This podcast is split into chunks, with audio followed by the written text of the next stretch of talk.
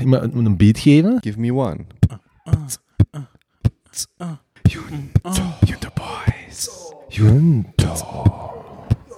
Junto. Junto Boys. Junto.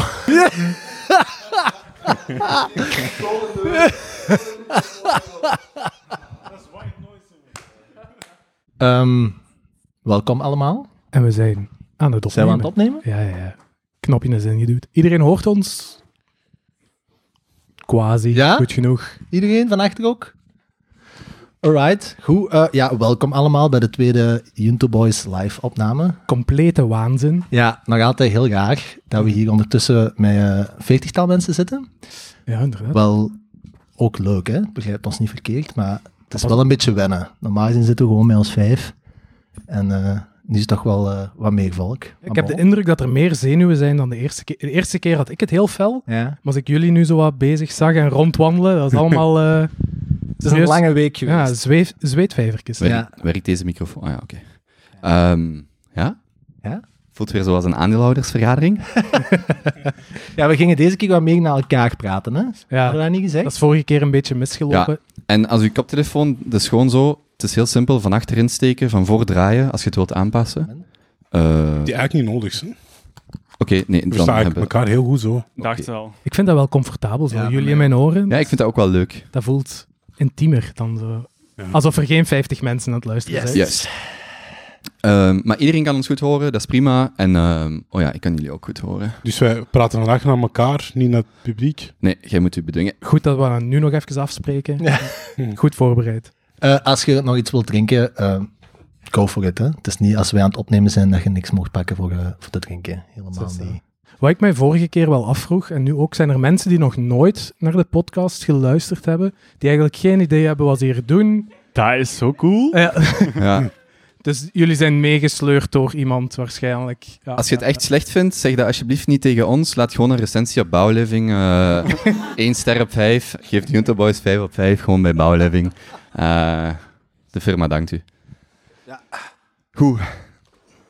Alright. Zo, we beginnen met eh, Housekeeping. housekeeping. Housekeeping. Dat breekt dat ijs meestal. Hè. Pasha, ik heb Ik nog denk- nooit spontaan naar housekeeping horen vragen. Ik heb nood aan housekeeping. Ja, ja, ja. Ik denk dat we vandaag ook even voor eens en voor... Sta ik te luid? Eh, Oké. Ik denk dat we voor eens en voor altijd moeten settelen wie nu eigenlijk Jonas en wie nu eigenlijk Teun is. Want ik heb die vraag al een paar keer vanavond gehad. Dus, Kom aan. dus Teun, kunt jij gewoon even zeggen? Ja, ik ben Teun. Ik ben Jonas. Nu zijn we daaruit. Voilà, kijk. Het gaat zo'n avond worden. Oké. Heb je je mopjes voorbereid? Ja, ik heb er een paar voorbereid. Er is blijkbaar al eentje weken in de kweek, dus ik ben heel Nee, die benieuwd. durf ik niet meer zeggen. Eh Die van naar hol. jongen. Oh, het gaat echt zo'n avond worden. Doe, Eh, dat, doe dat niet. Nee, nee. Dat Nee, niet. het is wel zo, wat ik wel nog wou zeggen, is um, er ligt daar een eh, QR-code. ehm, daarmee kun je een vrije donatie doen of een vrije bijdrage voor een, eh, voor een drankje dat wij, dat wij doen. En je kunt met bankcontact betalen en Paypal. En sommige mensen zie ik kunnen ook gespreid betalen. Slecht mopje? Oké. Dat gaat wel effectief met Klarna, maar dat was niet de grap. Ehm, Oké. ehm, Nee, nee, blijven gaan. echt vond hem goed. ik wou, je kunt gespreid betalen, dat is toch grappig? Ja, Dan dat schatje wat je gespreid bent. Ja, wat. Oké. Ehm, ja, en dat was mijn beste mop. Oké. Nee. Housekeeping. Housekeeping. Oké, ehm, misschien eerst eh, de, ja, het eerste, de teun vertrekt. Hè? Ehm, dat is misschien voor een deel van jullie wel geweten. Dus eh dit is een camionetstijger om een hoek. Ehm, en eh, Straks ook een tombola. Kunt gesprek betalen. Eén giecheltje. Oké, eh, ja, dus een teun vertrekt. Dus ja, dan zaten we eigenlijk met een logistiek probleem. Ehm, want dan waren we onze vijfde Junterboy kwijt. Dus dan zijn we daarover aan het nadenken geweest. Vorige, nee, twee weken geleden, als we aan de zee zaten en we pannenkoeken aan het eten waren bij de Siska. Ehm, en dan hebben we eigenlijk beslist dat we vanaf volgende week... De laatste bezoekers komen nog binnen. Hallo, hey. is beter dan die Ja, daklozen van vorige ja. keer. Ja, Ja, oh, ja. dat was heel graag. Oké, maar sorry, zeg maar. Ja, oké, dat was heel vreemd. Ehm, dus eh, ja, vanaf dan niet volgende week, maar de week nadien, dan gaan we digitaal beginnen opnemen. Ehm, dus dat We, gaan we we, gaan proberen, hè? we gaan proberen. We gaan paar. proberen. Dus een Toon gaat rechtstreeks inbellen vanuit zijn eh crypto-camionet. En eh, we gaan dan ook proberen om wekelijks op te nemen. Maar ja, ook daar gaan we zien hoe dat, dat verloopt. Hè? Elke dinsdagavond. Wie gaat er elke week bij zijn? Jij, Basje? Dat is juist, jij wist dat nog niet. Nee? Vanaf nu elke dinsdagavond. Is dat echt? Ja, ja. Ja, ja. Online. Wij, wij kunnen nog bij de Kobe gaan in de studio zitten. en Teun sluit dan digitaal aan. Toon sluit digitaal met zijn En. SpaceX eh internetsatelliet bovenop zijn camionet. En waarom wekelijks? Waarom, waarom niet? Ah, ik weet niet. Is dat op vraag van... Allee, is daar nood aan? Heb je daar nood aan? Maar we hebben dat toch... Is er iemand nood aan wekelijks podcast van ons? Heeft er iemand Goeie nood vraag, aan hoor. deze podcast? Ja. Dat is wel echt een goede vraag. Heeft daar eigenlijk iemand nood aan? Maar dat is wat we gaan proberen. Oké. We gaan zien hoe dat loopt. Voilà. En als het niet loopt, dan stoppen we er ook gewoon mee. Ja. Ehm, ander puntje housekeeping is dat we een Telegram-groep hebben. Dat is een Teun zijn initiatief. Misschien moet je daar iets meer over zeggen, Teun. Ja, een Telegram-groep. Maar jullie zitten er zelf nog niet in. Ik zit erin. Ik zit er ook in. Die zitten er nog. Ik ben onderweg. Heb je al ooit van Telegram gehoord, Basje? Eh, is dat niet zo... Waar dat zo eh, jongeren geronseld worden voor zo rare praktijken? Dat is waar jij je kocht. ja, ja. Eh, nee, een Telegram goed. Ehm, dus wat eigenlijk is, ja. Ik knip dat eruit. eh, Ja, ja. knip we, gaan Ik er, knip dat eruit, want niemand, niemand heeft dat gehoord. Sorry. Sorry. ehm, een tof groepje waar dat jullie allemaal op in kunnen loggen. En eigenlijk eh, ja, mee kunnen volgen met de Junte Boys, met eh, onze wekelijkse rotzooi en bagger die we naar elkaar sturen. Vooral dat, ja. Ehm, en ook de kans hebben om te reageren op eh, al onze onzin.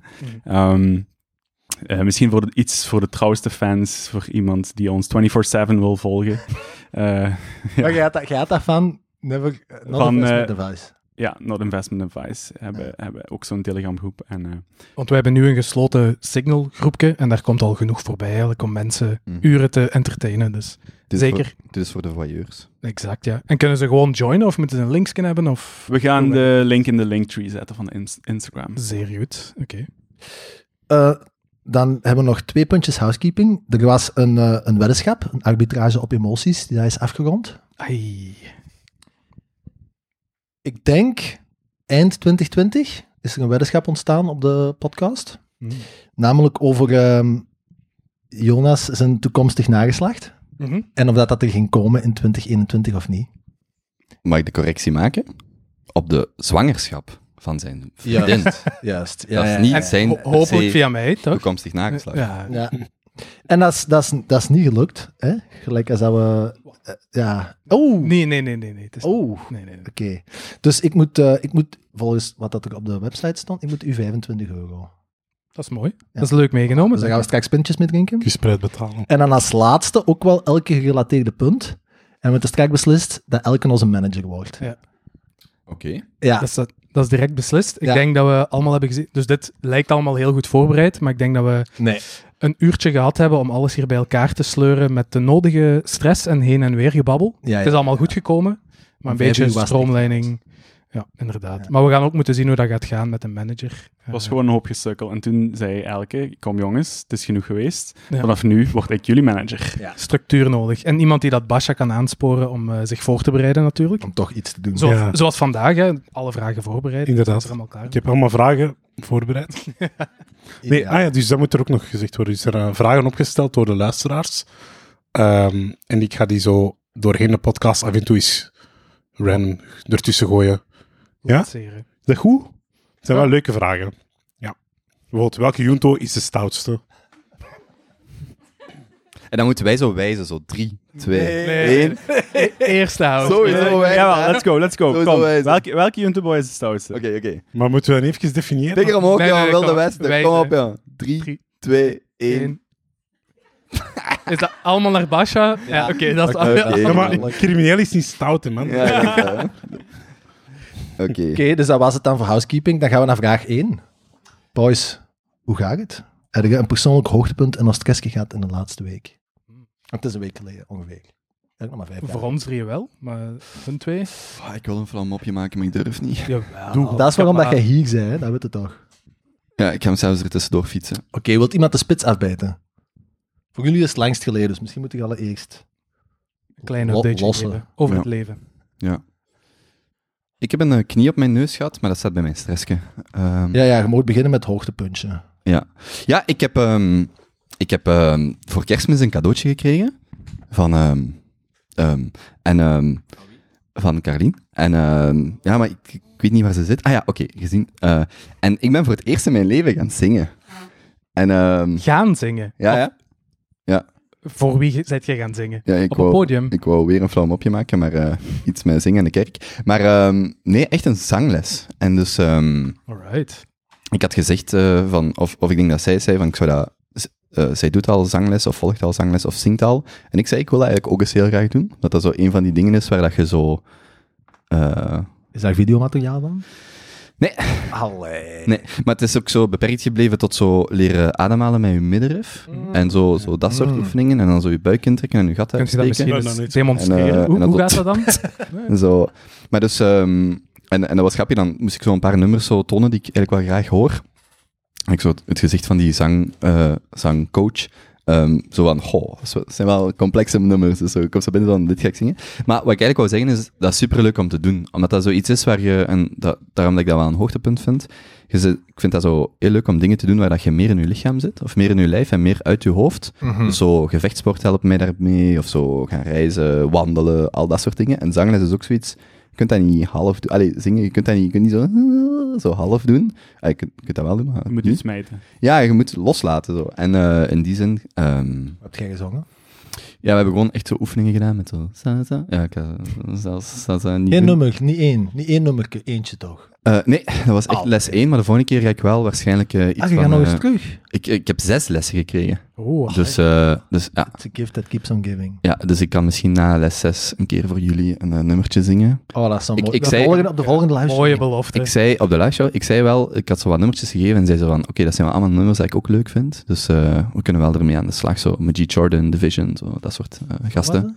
Majid Jordan, Midget Jordan. Majid Jordan, van Toronto. OVO, XO, nee. eh. Ah, wel, dat is eigenlijk heel, dus- ja, sorry. Ja. heel toevallig dat jij daarmee begonnen bent. Elken is ook net begonnen met eh, zanglessen, dus jullie kunnen misschien samen ook een klein concert... Of, en uw vriendin die zingt ook. Hey. Ik zie hier een heel concertje aankomen, dat Ja. klinkt wel heel tof. En dan Teun of Basja ging dansen, hebben we eens een keer gezegd. Pasha, denk ik. Of op elkaar schoot gaan zitten, of het was sowieso iets vettigs. Ja. Maar eh, Dus de volgende live show, het is de moeite om te komen. Ja.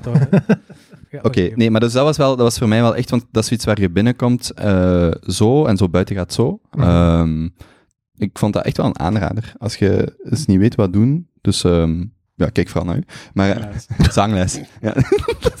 sorry, sorry. Nee, eh, maar dat was, ja, ja, dat was echt wel een hoogtepunt. En eh, Nog iets? Ik zie hier iets Zwitserland staan. Ja, maar ik denk dat ik te lang ga, ga uitweiden. Oké. Ik zal, ik zal dit zeggen. Ik vind ehm, Zwitserland is zo'n land waar je zo net doorrijdt ehm, als je jong bent. Maar ik ben daar nooit op vakantie geweest. Ik ben dat nu aan het ontdekken en dat is echt een prachtig land. Mhm. Je hebt daar bergen, je hebt daar sneeuw, je kunt daar wandelen. Dat is wel zo, dus wij wandelen daar zo, hè, met ons twee door de bergen. En je ziet zo skiers voorbij komen en die, echt zo, die kijken zo naar je van, je hebt de memo niet gekregen, hè? dat is hier voor te skiën. Hè? Wat zit je hier op een berg van drie kilometer en dan zit je hier te wandelen of zo. Maar, dus ja, dat waren wij, de twee toeristen op een, eh, op een berg. Maar ik vind dat wel echt een heel zalig land. Snap Dus, eh, Alright, heel mooi. De laatste bezoekers. Het blijft Wees welkom. Doe rustig. Ehm Pasha, wat was uw hoogtepuntje? Ehm U hebt Striske? We zitten aan hoogtepuntjes, maar go for it. Whatever you feel like. Ehm, mijn hoogtepuntje. mijn mama is geopereerd geweest, een paar maanden geleden. En eh, sinds kort is mijn mama zo terug goed. Zo na die operatie, zo super intens was, is hij zo eindelijk zo terug zelfredzaam aan het worden. En ik voel dat dat mij heel veel eh, kracht geeft en energie. Dat hij zo... Ja, als zij pijn heeft, heb je zo ook pijn. Maar als hij zo rij goed voelt en dan zegt... Oh, ik heb zin om deze zondag voor het eerst in drie maanden nog eens uit eten te gaan, naar buiten, dan maakt me dat zo echt gelukkig. Zo heel intrinsiek, intens gelukkig. Dus ja, mijn week is eh, al heel ja, positief. Amai, Heel mooi. En eh, dat is echt al een paar maanden geleden dat die geopereerd is. Ja, in september is hij geopereerd en dan ja, kon hij niks. Dat was eigenlijk gewoon echt, bij gaan spreken, een plant. Die zat er gewoon heel lang in haar bed. Die kon amper bewegen en zo heel stilletjes aan. Die zo naar voren beginnen gaan. Die haar been is zo, die haar heup zo eens wat kunnen bewegen. Dan Mhm. ja, we zo bij ups en downs. En dan sinds kort is hij zo... eh, want ik moet hier ook zo... eh, we moesten hier mee wassen, we moesten hier mee omkleden. ehm, ja, ik vond dat zo'n heel intense periode. En nu, voordat hij moet gaan slapen, heeft hij er eigenlijk zo helemaal zelf om- omgekleed. En dat klinkt misschien heel banaal als je dat zo zegt, maar er is heel veel waard, want je weet zo niet dat dat dan terugkomt. En ineens staat hij daar zo met haar haar opgemaakt, schmink in haar ogen. eh, ik heb zin om een hamburger te eten. ja, het is gewoon graaf. En dan, die kan zo... Ja, mijn mama is echt de beste Libanese kokkin ever van heel de wereld. Die haar eten is ongelooflijk. Wat maakt, die, wat maakt die weer heel goed? Ik vind dat je dat moet zeggen. Baba. Nee, baba. Mijn mama, haar baba is echt overdreven goed. Die, Tragisch. die Tragisch. Deen, die heeft dus echt zo vijf keer of zo hummus meegebracht. En dan, ik heb dat gemaakt, ik heb dat gemaakt. Die ging dat gewoon met zijn mama halen op voorhand. Dat is echt Ik maakte degoutant. dat samen met mijn moeder. Dat is echt, dat is echt afschuwelijk. En eh, ja, die haar eten is altijd zo goed, maar dat is echt tot op het next level. En eh, dat is niet omdat het mijn moeder is, echt, dat is gewoon heel, zo vol met liefde, maar ook zo heel traditioneel Libanees. En eh, die, maakt, die kan ook zo niet één ding maken, die maakt zo, vijf dingen en zo ook niet weinig, maar veel. Dus die wil altijd dat ik dat meepak voor mijn vrienden. En dan, ja, nu wil hij dat zo terug beginnen doen. En dan laat hij nu haar familiehulp, dus iemand die dat zo komt helpen, die laat hij koken in haar plaat. Maar dat is kei schattig, want dan geeft hij zo eten mee aan mijn vrienden nu terug. En ja, dat is wel leuk. Ja. Dus ik weet niet, dat is geen zotte verhaal, maar dat is voor mij wel veel waard. Heel blij om het te horen. Amai, eh. En En, ah ja, en, en Teun, eh, ik wil dat wel zeggen, Teun heeft eh, ehm, eh, mij heel erg geëmotioneerd, want die heeft tiramisu gemaakt voor mijn moeder die ziek was. En dat was kei lekker. Ja, ja, ja. En ik kwam ineens mijn schaal af met, met tiramisu, random. En ja, dat was gewoon, ja, dat was mooi. Dat was een token van zijn liefde. Maar ik, ik, ik, ik weet hoeveel. Ik weet... Dat was goed. Alleen de mannen die in crypto zitten, Ja. snappen hem. Een paar kegels. Twee mensen lachen. Een paar gasten. oh. Nee, ik, eh, ik weet hoeveel dat Jozef van zijn mama houdt. En ehm, hij, hij is daar gewoon al zo lang mee bezig. Eh, en ons mama maakt de, de beste tiramisu ter wereld. Ik weet dat zijn mama de beste baba ganoush ter wereld maakt. Dus dan heb ik eh, een token swap gedaan. Hè? Ik, heb, eh, ik heb dan de tiramisu van ons mama's nagemaakt. En eh, die is tot bij Basha zijn mama geraakt. Yes. Prachtig. Mooi. Ik ben echt fucking gelukkig. En als ze dan zo lang binnen zit of moeite heeft, is er dan iets waar ze echt naar uitkijkt dat ze terug kan gaan doen? Eh, die wilt een orgasm gaan drinken op een restaurant of een café. Oké. Mijn mama zei van de week een grappig verhaal. Die, Heel specifiek. En wat? Een orgasm. Hmm. Mijn moeder, die is, dat is echt zo Orgasme. een traditioneel... Dat is echt zo'n traditioneel Libanese vrouw. Dus dat is ongelooflijk. hè. Die komt uit een heel... Ja, Libanon is, is, is, is vrij westers en open, maar... Langzaam maar zeker begint je hem ook beter te begrijpen. Zo, hè? Zo. Nee, maar mijn moeder Ah is... ja. Oh. Maar Libanon is traditioneel, dus bijvoorbeeld echt, mijn mama kende niks van homoseksualiteit of zo. Die kende dat niet. Die vond dat heel raar vroeger als die, die dan hier kwam naar België en die zag twee mannen op straat. Die vond dat echt oprecht raar. Ehm, gewoon omdat dat die leefwereld is, maar die vond dat ook wel raar dat ik, voordat ik ging trouwen, bij een meisje wou blijven slapen. Die vond dat oprecht raar. Of, eh, Jozef, wat ga jij na twee uur s'nachts nog op straat doen? Die snapte dat allemaal niet. Dus ik heb daar echt zo keihard voor moeten vechten. Maar op een of andere manier heeft zo België toch zo een... eh, mijn mama keek heel veel naar Familie, die serie. En eh, dat heeft dan zo impact gehad op die leven, zo op die waarde- en normensysteem. En nu wil hij zo zelf zo wat stoutig, stout worden. En Stoutig. ja, ik weet niet. Klinkt eigenlijk nog beter. Nu is hij van, ah, laat al die homo's maar binnen, laat die maar maar komen. en die is zo heel open-minded geworden. En dat is leuk, leuk om te zien, maar die is nog altijd heel preuts. Dus die, die had keihard zin in een orgasm. Dat, dat is een naam dus van een, van een cocktail.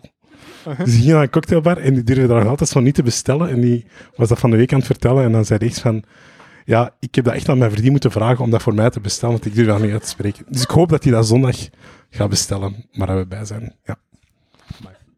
Die telenovelas, dat is echt zot, hè. Er is zo in, ehm, in Brazilië is op, ik denk één generatie tijd, dus op 20 jaar tijd, is er gemiddelde geboortecijfers bij vrouwen van 4,5 kind per vrouw naar 1,8 gegaan. En ze hebben daar dan sociologisch onderzoek naar gedaan. En eh, die telenovelas was een van de belangrijkste eh, variabelen waardoor dat, dat is gebeurd. Mm. Omdat die vrouwen gewoon, die kregen één kamer aan de televisie thuis.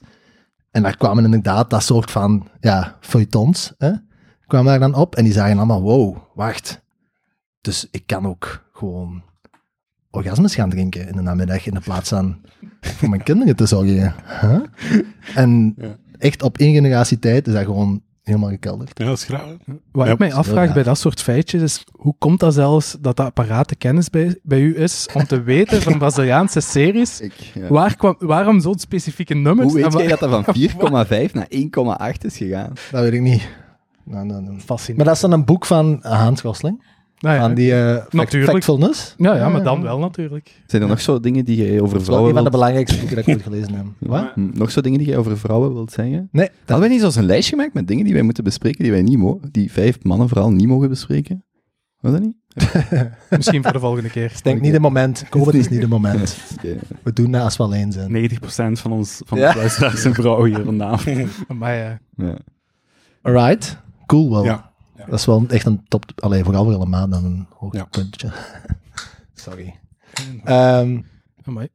Hoogtepuntjes. Ik ehm, ben sinds een maand bezig aan eh, One Second a Day. Ik weet niet of er iemand die app kent. One Second a Day. Dus je, ik, ik, ik heb al lang een soort van haat-liefde verhouding met, eh, met so- social media. En One Second a Day is misschien het type social media waar ik, waar ik wel mijzelf in kan vinden. Dus je neemt iedere dag gewoon een seconde of anderhalf seconde op. En ik zit nu een maand ver, dus ik heb een, een maand, een terugblik op, eh, op de eerste maand van, van het jaar. Eh, en ik wil eigenlijk vandaag ook een One Second a Day opnemen met jullie. Dus eh, bij deze ga ik dat gewoon ook direct doen. Eh, als, jullie, Sneak die er even in. vlot, hè? Smooth, hè? Als jullie gewoon Ja, even zouden willen wuiven naar mij, dat, dat zou fantastisch zijn. Zalig. Dat hadden jullie niet, mannen? Dat was heel mooi. Ehm, Strak gedaan. en eh, wat, wat, ik, wat, ik vooral, Dat is goed. Casual. Dat is mooi. Goed voorbereid. wat ik vooral heel tof vind aan die One Second a Days. ehm, je zoekt eigenlijk naar, naar manieren om zo op het einde van je dag, als je nog niks tofs of interessants of leuks hebt opgenomen, zo even de, de week te breken of, of nog iets eruit te toveren. ehm, en, en dan eh, gewoon een, af, een, een videootje te maken met, u, met uw familie of een schap bij een maat langs te gaan. Ken Dus, je eh, Be Real? Via u ken ik het. Ja. yes. Ook cool. Dat, is, dat, dat merk ik zo in één keer dat dat de laatste weken... Kennen jullie Be Real? Nee? Nee, ik- Dat is, eh, dat is, dat is ook... Ah, we waren niet aan het opnemen. Oh, fuck off. Nee, dat is niet waar. Ehm, dus je pakt dat is zo random moment van een dag, krijg je een notificatie en dan ja, pakt je gewoon een foto en dan pakt een selfie en een gewone foto. En dan deelt dat, dat met je B-reel vriendjes. En dan kunnen we gewoon zien van elkaar wat dat je aan het doen waart op die moment dat je de hebt is- geactiveerd. Maar je kunt alleen maar zien wat de rest aan het doen is als je zelf ook hebt gepost. En is dan de bedoeling dat je zo real mogelijk bent, dus ook van op het toilet trekt en, en Ja, dat is de grappige dingen. Dus want na, na 24 uur, of als de volgende er aankomt, is het ook weg. Dus het is niet dat je een feed hebt of zo. Frans social media bedrijf. Hmm. Hey. Cool. Facebook, Watch out. watch out, hè. Oké, heel cool. Nice. Nog eh, hoogtepuntjes? Eh, voor mij waren het meer de, de dagdagelijkse dingen. Altijd moeilijk om zo van die warme verhalen en, en wereldschokkende dingen op te volgen. Ehm, Schofferen nog eens. Ja. Een, een, een groep mensen. nee, ja, mijn hoogtepunt was dat ik een, eh, een bolbestelling ges- geplaatst heb. Eh, Ah, ook? Gaat het trippen? Of, eh, nee, nee, nee. nee. Eh, er, is, eh, er waren een aantal pakketjes aangekomen. Eh, ik denk dat ik die foto ook gedeeld heb. En dat is heel frappant, omdat ik een heel aantal bestellingen geplaatst had. En dat komt dan aan. En je ziet dan nu hele, ja, uw interesses waar je op dat moment mee bezig bent aankomen in één pakketje. Er zaten heel wat dingen in. En ja, daar word ik, eh, het is een beetje erg dat je zo van materialisme gelukkig kunt worden. Maar eh, Dat mag. Dat is heel normaal. soms mag hè. Dat is dan Er zat een Bialetti tussen. Eh, ik had me daar... Bialetti, zo'n koffie. eh, Ja, hoe spreekt dat eigenlijk uit? Bialetti. Bialetti. Bialetti. Ik, ik, heb, mijn- ik heb mijn best gedaan. Eh, Het was een gigantisch ding. Eh, dat ziet er enorm groot uit, omdat ja, de helft van uw water zit van onder en dat gaat dan naar boven. Dus een gigantische kan, heel blij mee. Ehm, ook een aantal boeken bij me gekomen om mij te helpen in het werk, om teams te helpen motiveren en zo. Voor dat- Bialetti's te zetten. Nee, nee, nee, nee, nee, om terug te helpen op het werk. Eh, een minicomputer om heel mijn huis te automatiseren. En ook eh, nog een aktentas om mee te pakken naar het werk. En daar wil ik even over uitweiden. Ehm, ik heb mij enorm geïrriteerd aan het eh, kaliber van... eh, Ik wil gerust zeggen handtassen of aktentassen dat beschikbaar is Ja, voor mannen. Ja, Je hebt eigenlijk vier keuzes. ofwel een stoffe dingetje van Alibaba dat kapot is na twee weken ergens gemaakt in China en dat gewoon uit elkaar valt. Ofwel een of andere rugged, super manly, leren, afgeleefde tas die veel te groot is, super onpraktisch, maar er heel stoer uitziet. Dan, Of- heeft dat zo, dan heeft dat al een laptopvak, maar dat is dan zo niet padded, dat ik denk, mijn Ja, laptop is gewoon kapot. Exact. En dan zit je Zo mijn ouders, ja, niet voor mij. Ja. Alsof dat je, ik weet niet wat, cowboy hebt gespeeld in Amerika, terugkomt naar België en hier zit rond te wandelen in Antwerpen met je fucking leren zak. Ofwel heb je een rugzak en dan bengelen daar van al van die touwtjes aan en je voelt je zo'n schooljongetje dat net terug naar huis komt. Of je moet echt zo naar van die designer shit gaan en dan, ja, waar zit je dan mee bezig? Eh, dus ja, ik vind dat we Sowieso designer gekocht, hè?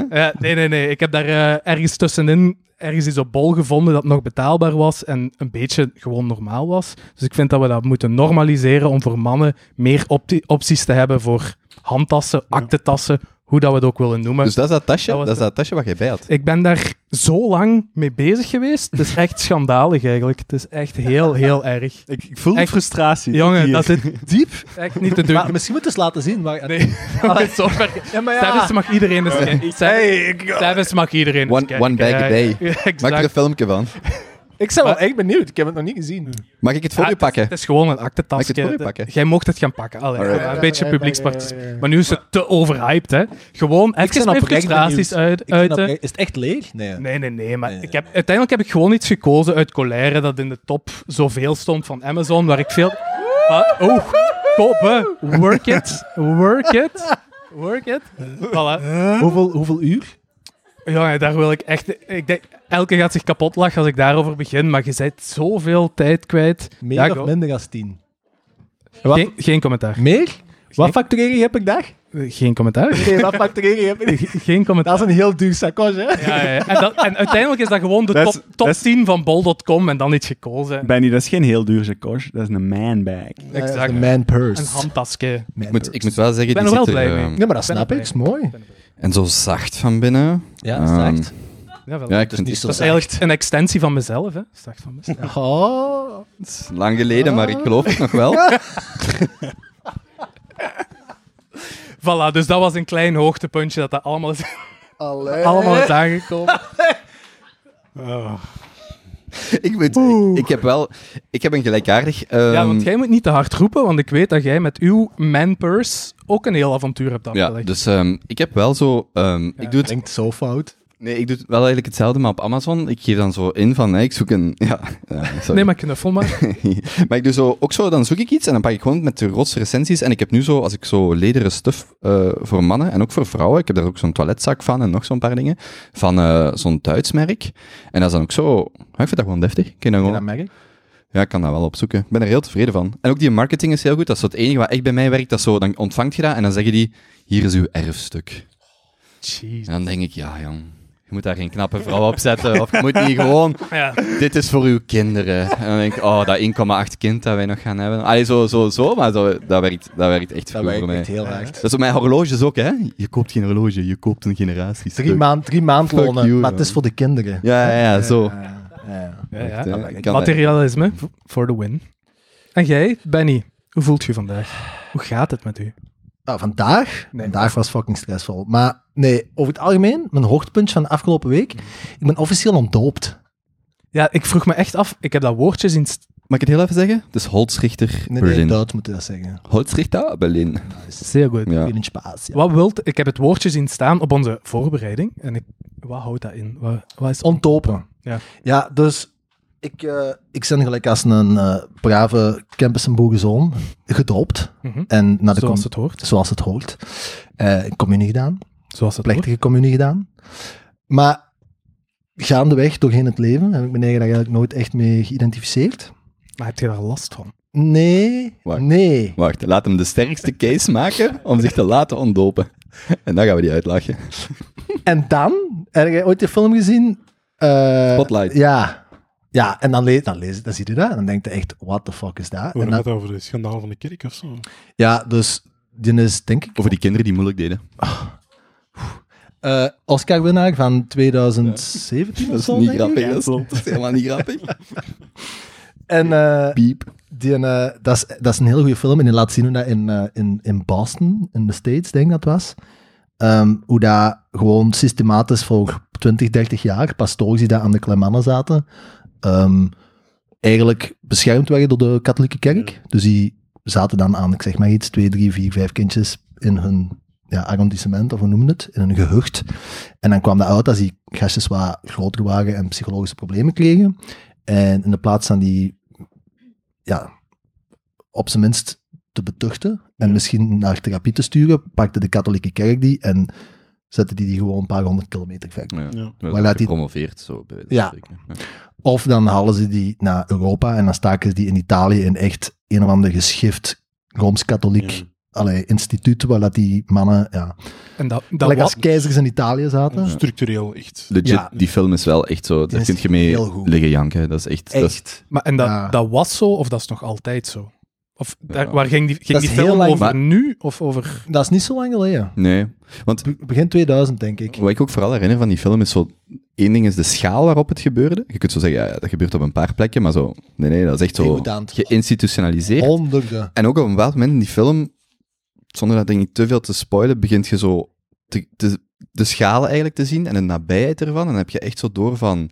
Zo, ik denk dat heel veel mensen naar die film kijken zeiden van, dit had ik kunnen zijn, maar legit, zo, allee, als je de, zo, en dan heb je echt zoiets van, wow, die, dat is, dat is, Ja. ja, en in die zin, allee, omdat je je Ja. verhaal aan het doen was, die film, als je u wilt, zou willen laten ontdopen, Ja. dan is dat wel, ehm, Dus dat dan gezien en dan dezelfde reactie als Akkoord omschrijft, wat over gelezen en echt gewoon ge- ge- gerealiseerd van, ja, of dat dat nu nog is, dat weet ik niet. Uh, maar dat dat echt gewoon gedurende een paar decennia een, een, een quasi-instituut is geweest voor massapedofilie. Ehm en ja, daar sta ik wel zeker niet achter. Hè? Uh, om het nu plat, fijn, fijn dat je het even zegt. om het nu plat uit te drukken. Ehm, en ehm, ja, dat was zo een van die dingen. Dan hè, een film gezien, dan gelezen en dan zet je dat zo. Fuck, moet me laten ontdopen. Klootzakken en dan zet dat op een to-do. hè. maar dat is dan zo'n puntje. Dat, dat is al niet voor iedereen. Die Greta kijken te veel telenovelas. Dat is dan zo puntje 28 op een to-do. En dat is nooit hoge prioriteit, let's face it. Hè? Want wel klootzakken, maar bon, er is altijd wel iets urgenter als die klootzakken in, in het Vaticaan. Ehm, maar dan in december, mijn eigen, had ik twee weken verlof. Wat? Vorige zomer, maar sorry dat ik nog... Vorige zomer... Oh, we komen, we zijn nu toch eh, in de buurt van Rome. We gaan, we gaan Jozef afzetten. We gaan even naar het Vaticaan. We gaan daar even gaan kijken, want daar is nu niemand. Ja, maar je mag die super architectuur wel appreciëren, hè? Ja, maar dat is ook ges- gesubsidieerd met... Allee, Ah, ja, is wat. ja, ja, ja. Vertel maar. Ehm, dus in december dan eh, twee weken bouwverlof en dan zo op dag 12. Zo al veel. Oeh, ja, oeh. Even die to-do's Ja, afwerken toch. godverdomme, zo klootzakken. En dan eh, eh, eh, vinden zo'n template online. Moeten gewoon downloaden. Dat is eigenlijk gemak, relatief gemakkelijk. Dus je downloadt een brief die dat je online vindt. Je vult die in met je naam. En dan moet je dat fysiek... Ja, ik, ik stuur echt amper nog brief. Nooit eigenlijk. Dus dan ga ik zo naar, naar Redo, hè, van hoe, eh, een postzegel. En dan, oké, hè, en dan moest je dan naar het, naar het, eh, het Antwerps Bisschopdom sturen. Bisdom. Bisdom, ja. Voilà. Eh, en eh, dan... eh, Zeg nog eens dom. En dan kreeg ik twee weken later kreeg ik een, eh, kreeg een antwoord, een brief, met zo'n grote kader op. En dan zei ze, ja, ehm, we hebben u, eh, uw, uw vraag goed ontvangen. Maar als je ons niet kunt zeggen waar dat je gedoopt bent, op welke datum, en waar dat uw ouders wonen op die dag, kunnen we uw verzoek wel echt niet accepteren. Het is zo een beetje Ja, en dan, een escape dan ga ik door, hè. Dan voel ik mijn eigen echt bij mijn kloten gepakt, en dan zijn ze me aan het spul, en dan, dan ga je, hè. Dat is die nieuwe GDPDO-regel. Bon, dus dan, ja, up. Eh, ik begin dan als ma bellen. eh, die is dan altijd zoeken geweest. Dus ik antwoord daarop. En dan heb ik dan vorige week verstuurd, dus ik denk dat het rond is. Maar nu komt de joke. Want waarom ik dat vooral deed, was dat ik las dat als je minder... Naarmate dat die minder mensen hebben die daar ingeschreven zijn als eh, gedoopt, dat die minder, belast, minder belastingsgeld krijgen. Dus er is ongeveer 70 miljoen per jaar belastingsgeld dat België uitkeert aan verschillende gelovigen. Mhm. En dat wordt verdeeld, normaal, naar lang hoeveel gelovigen dat er zijn per geloof. En de Rooms-Katholieke Kerk krijgt daar echt zo, ja, 80% van of zo. Dus ik dacht, haha, ik doe wel wel financieel pijn, hè? Ja, ja. Klootzakken. Ehm, en dus ik, ik stuur dat de laatste keer door en dan zoek ik nog eens wat verderop. Blijkt dat die smeerlappen in de jaren 70 hebben we gezien dat een hoeveelheid geregistreerden begint te, te kelderen. En dan hebben die afgesproken met de politiek dat hun hoeveelheid geld gekapt werd of gelokt werd op de moment toen. Ja, ja. Dus die kregen nog... Ja. Dus het maakt niet uit of dat je je eigenlijk laat ontdopen. Dus toen was ik echt pist en nu weet ik gewoon niet meer wat ik moet doen, want... ja. Zeg, en als je nu besneden waart, wat deed je dan? Goh, dat weet ik eigenlijk niet. Zou dat, zou dat effect Ik ben mij echt al vijf minuten aan het houden om dat te vragen. Ging je dan naar eh Hoeibergs voor eh, lap, oh, te laten oplappen? Geen idee. Zou dat, zou dat effect... Zouden ze meer of minder geld krijgen? Als je gelang de hoeveelheid consequent bent, stukje vlees er terug op. Hè? Zwat, maar voelt je dan nu beter nu dat je ontdopt Ik bent? weet het niet. Nu dat ik dat laatste gelezen heb, dat ze hun geld toch krijgen. Maar ja, ik denk dan, ze kunnen dat niet blijven volhouden. Hè? Nu zitten er misschien nog 2 miljoen Belgen die dat ge- geregistreerd staan als gelovigen. Als dat er nog 150.000 zijn, dan kunnen die niet met een 40 miljoen gaan lopen elk jaar. Hè? Maar is dat dan alles wat nodig is? Je moet gedoopt zijn en dan zit je voor altijd geregistreerd als katholiek braaf jongetje. Ja. Oké. Ja. Dat vind ik wel straf. Want als je wilt trouwen voor de kerk, moet je gedoopt zijn en je vorm- vormsel hebben gedaan. Ja, klopt. Zeg jij gedoopt? Door de eerste zwarte priester in België. Zalig. Er is echt een film, van, eh, zo'n reportage van. Met u erin? Of Ja, gewoon- mij erin. Echt? Ja, echt. Mogen we die delen, die beelden? Ik zal die in de show notes zetten. Oh, yes. Dat is echt keitof. Staat dat op YouTube? Ja, dat staat op YouTube. Oh, Hoe ja. komt je daar toch altijd al van Dat de is fantastisch. geboorte? Te zot. Hoe noemde die? Ehm, dat is je een, gewoon chef noemt, zou dat echt heel funny zijn. ik weet hè? de naam niet meer, maar het is echt wel heel leuk. Maar Jozef, je wordt wel vaker gevraagd voor reclamespotjes, hè? In de kerk? Nee, voor, wat was het? Voor de Panos en voor Carrefour en... Voor, eh, Ik heb die debiel dus al gewoon in de Deleuze op de schermen gezien. Hè? Ja, ja. Dat ik daar ben aan het inkopen doen. Ik kijk naar boven, ik zie die gewoon voorbij komen. En nou weet jij hoeveel dat hij heeft verdiend voor dat stoemspotje. Ja, ook al. Verdomme. Ja. Maar goed, allee. kunnen we het Ja. even... eh, ja. Wat? Hoe lang zijn we? We zijn lang bezig, hè? we zijn een beetje... We zijn halverwege vraag 1 en we zijn Moet ik een vraag van de los een kwartier Ja. bezig. Breng er eens wat schwung in. Eh, wat is de beste one-liner om een griet te scoren? Beste one-liner. Teun. Is dat nog een ding?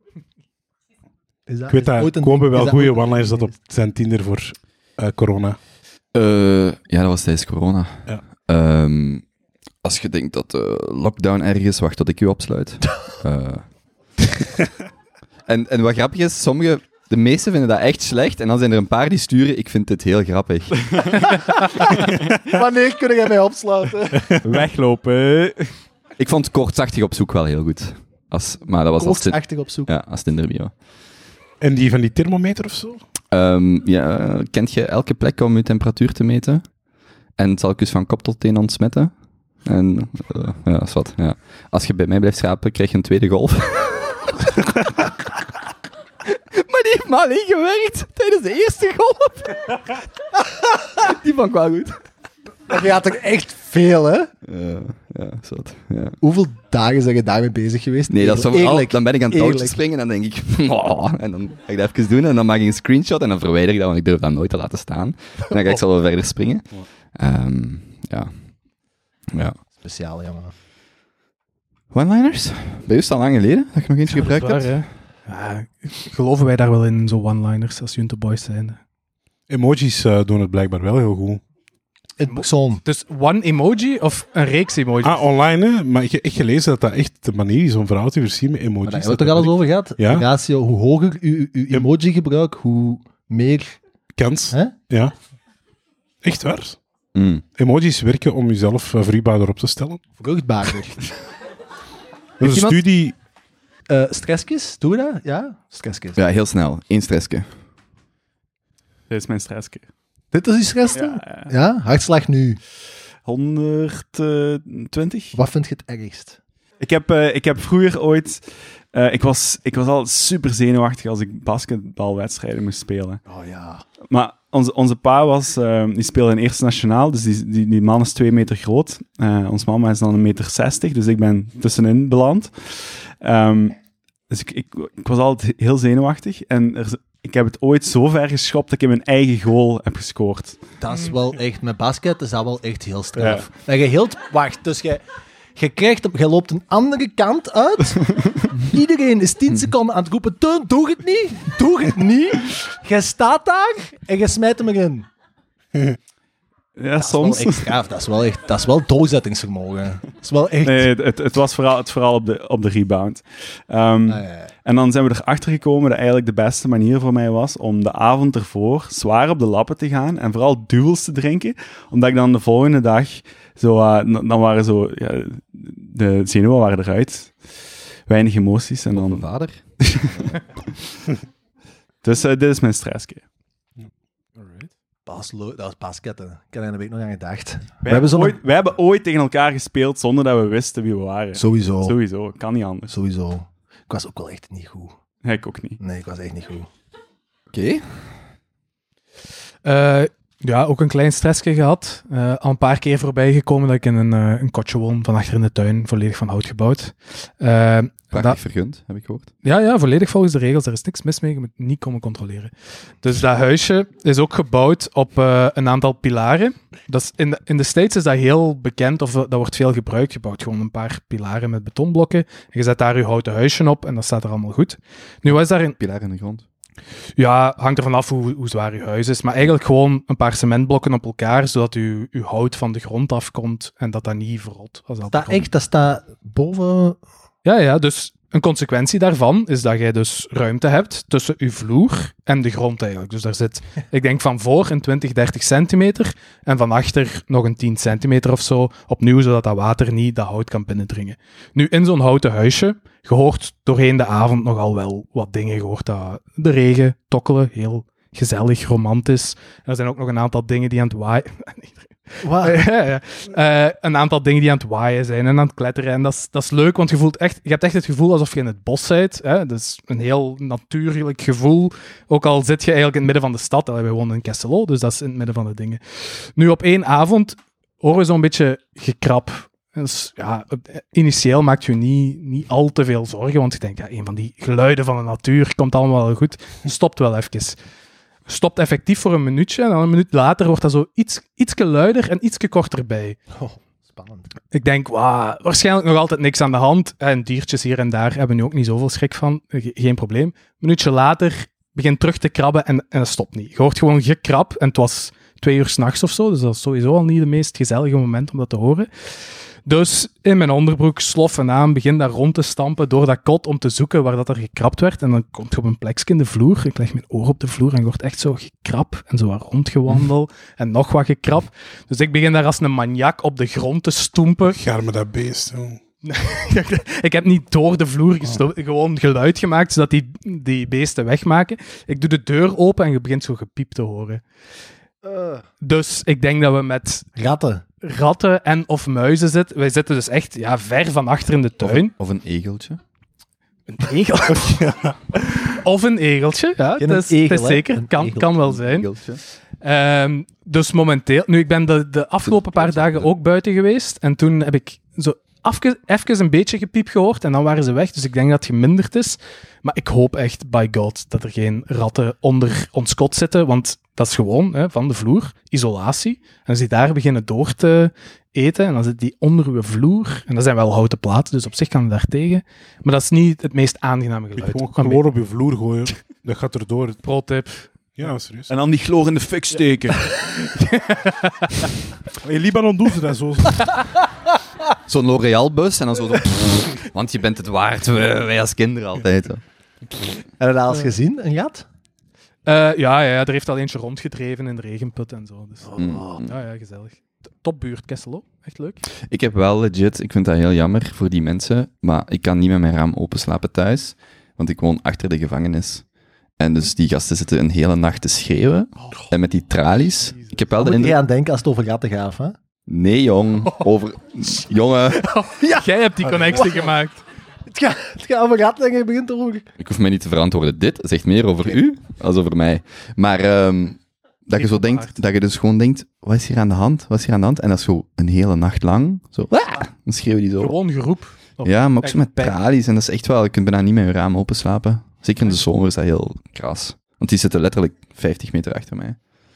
Ah, wel, Ja. wat bij mij helpt, ik heb nu van die draadloze, zo van die oortjes, Ja, die en dan gewoon op, ehm, ja, dat je, ja, noise Noise cancelling. cancelling. voilà. Dat werkt supergoed. Maar ik vind dat ergens ook eng, want als er dan wel iets is, en je moet het horen, dan hoort je niks, en je ligt daar gewoon als een noise cancelling. Ja. Hmm. Zware fan van. totdat er ratten op je bed. Ja, minder optimaal. Ja. Hm. En jij? Stressje? Ja, maar ik moet nog eens kijken wat ik eh, had opgeschreven. Ik heb sowieso, ik heb voor het eerst in mijn leven, ik dacht dat mijn neus gebroken was, maar dat is niet. Eh, ik heb zo een knieval op mijn neus gehad, maar dat was niet, ik dacht dat ik een ander stress had. Ja, ik, ehm, ja, twee dingen. Ik, ehm, ik dacht ik moet mijn wc-borstel proper maken, ik heb die in mijn afwasmachine gestoken, maar dat is... dat Deze is- meen jij niet, hè? Ik snap de logica wel. Ik snap van waar Toch? het komt. en ik haal die Dat zou ook wel bij mij en opkomen. ik haal die eruit en ik denk, goh, ik weet niet of dat zo'n goed Niet het idee was. beste idee. nee. Dus ja, een nieuwe afwasmachine besteld. Is deze echt? Met er niet vier Er op. zaten er andere borden en zo tussen. Ja, kijk, ik dacht, ik ga ook wel besparen. Ik doe die er Dat is gewoon niet bij. waar, hè? Deze. Deze is toch een mop, hè? En mijn tweede stressje, mijn tweede, ja, mijn tweede stressje is, ik krijg, Ik eet niet meer bij u, hè? eh je, je was niet meer af bij mij. Ik heb wel een proper wc-borstel nu. Eh ehm, En ranzig bestek. ja. Ehm, Mensen zijn echt gechoqueerd. Je hoort het, hè? Die zijn echt gedegoûteerd. maar kijk, ehm, maar goed dat ik hem niet in een wasmachine heb gestoken, want dat is wat.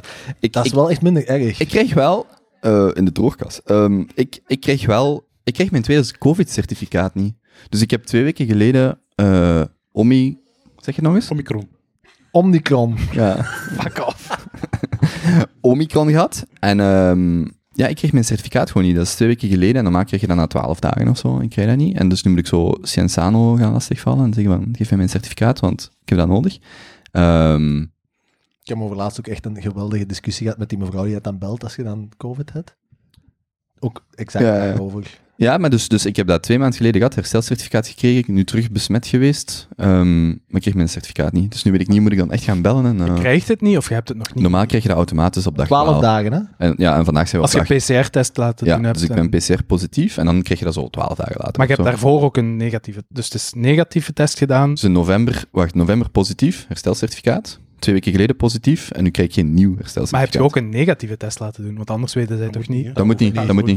Dat gebeurt automatisch. Ja. Want, Ah, want je kunt zelfs Hoe zes... weten zij dan dat jij gerecoverd bent, dat ze niet weten Ja, maar bij PCR maakt dat niet uit, omdat je nog Tijd. zes tot acht weken positief PCR kunt blijven testen, omdat dat dood RNA in je, in uw neus kan blijven.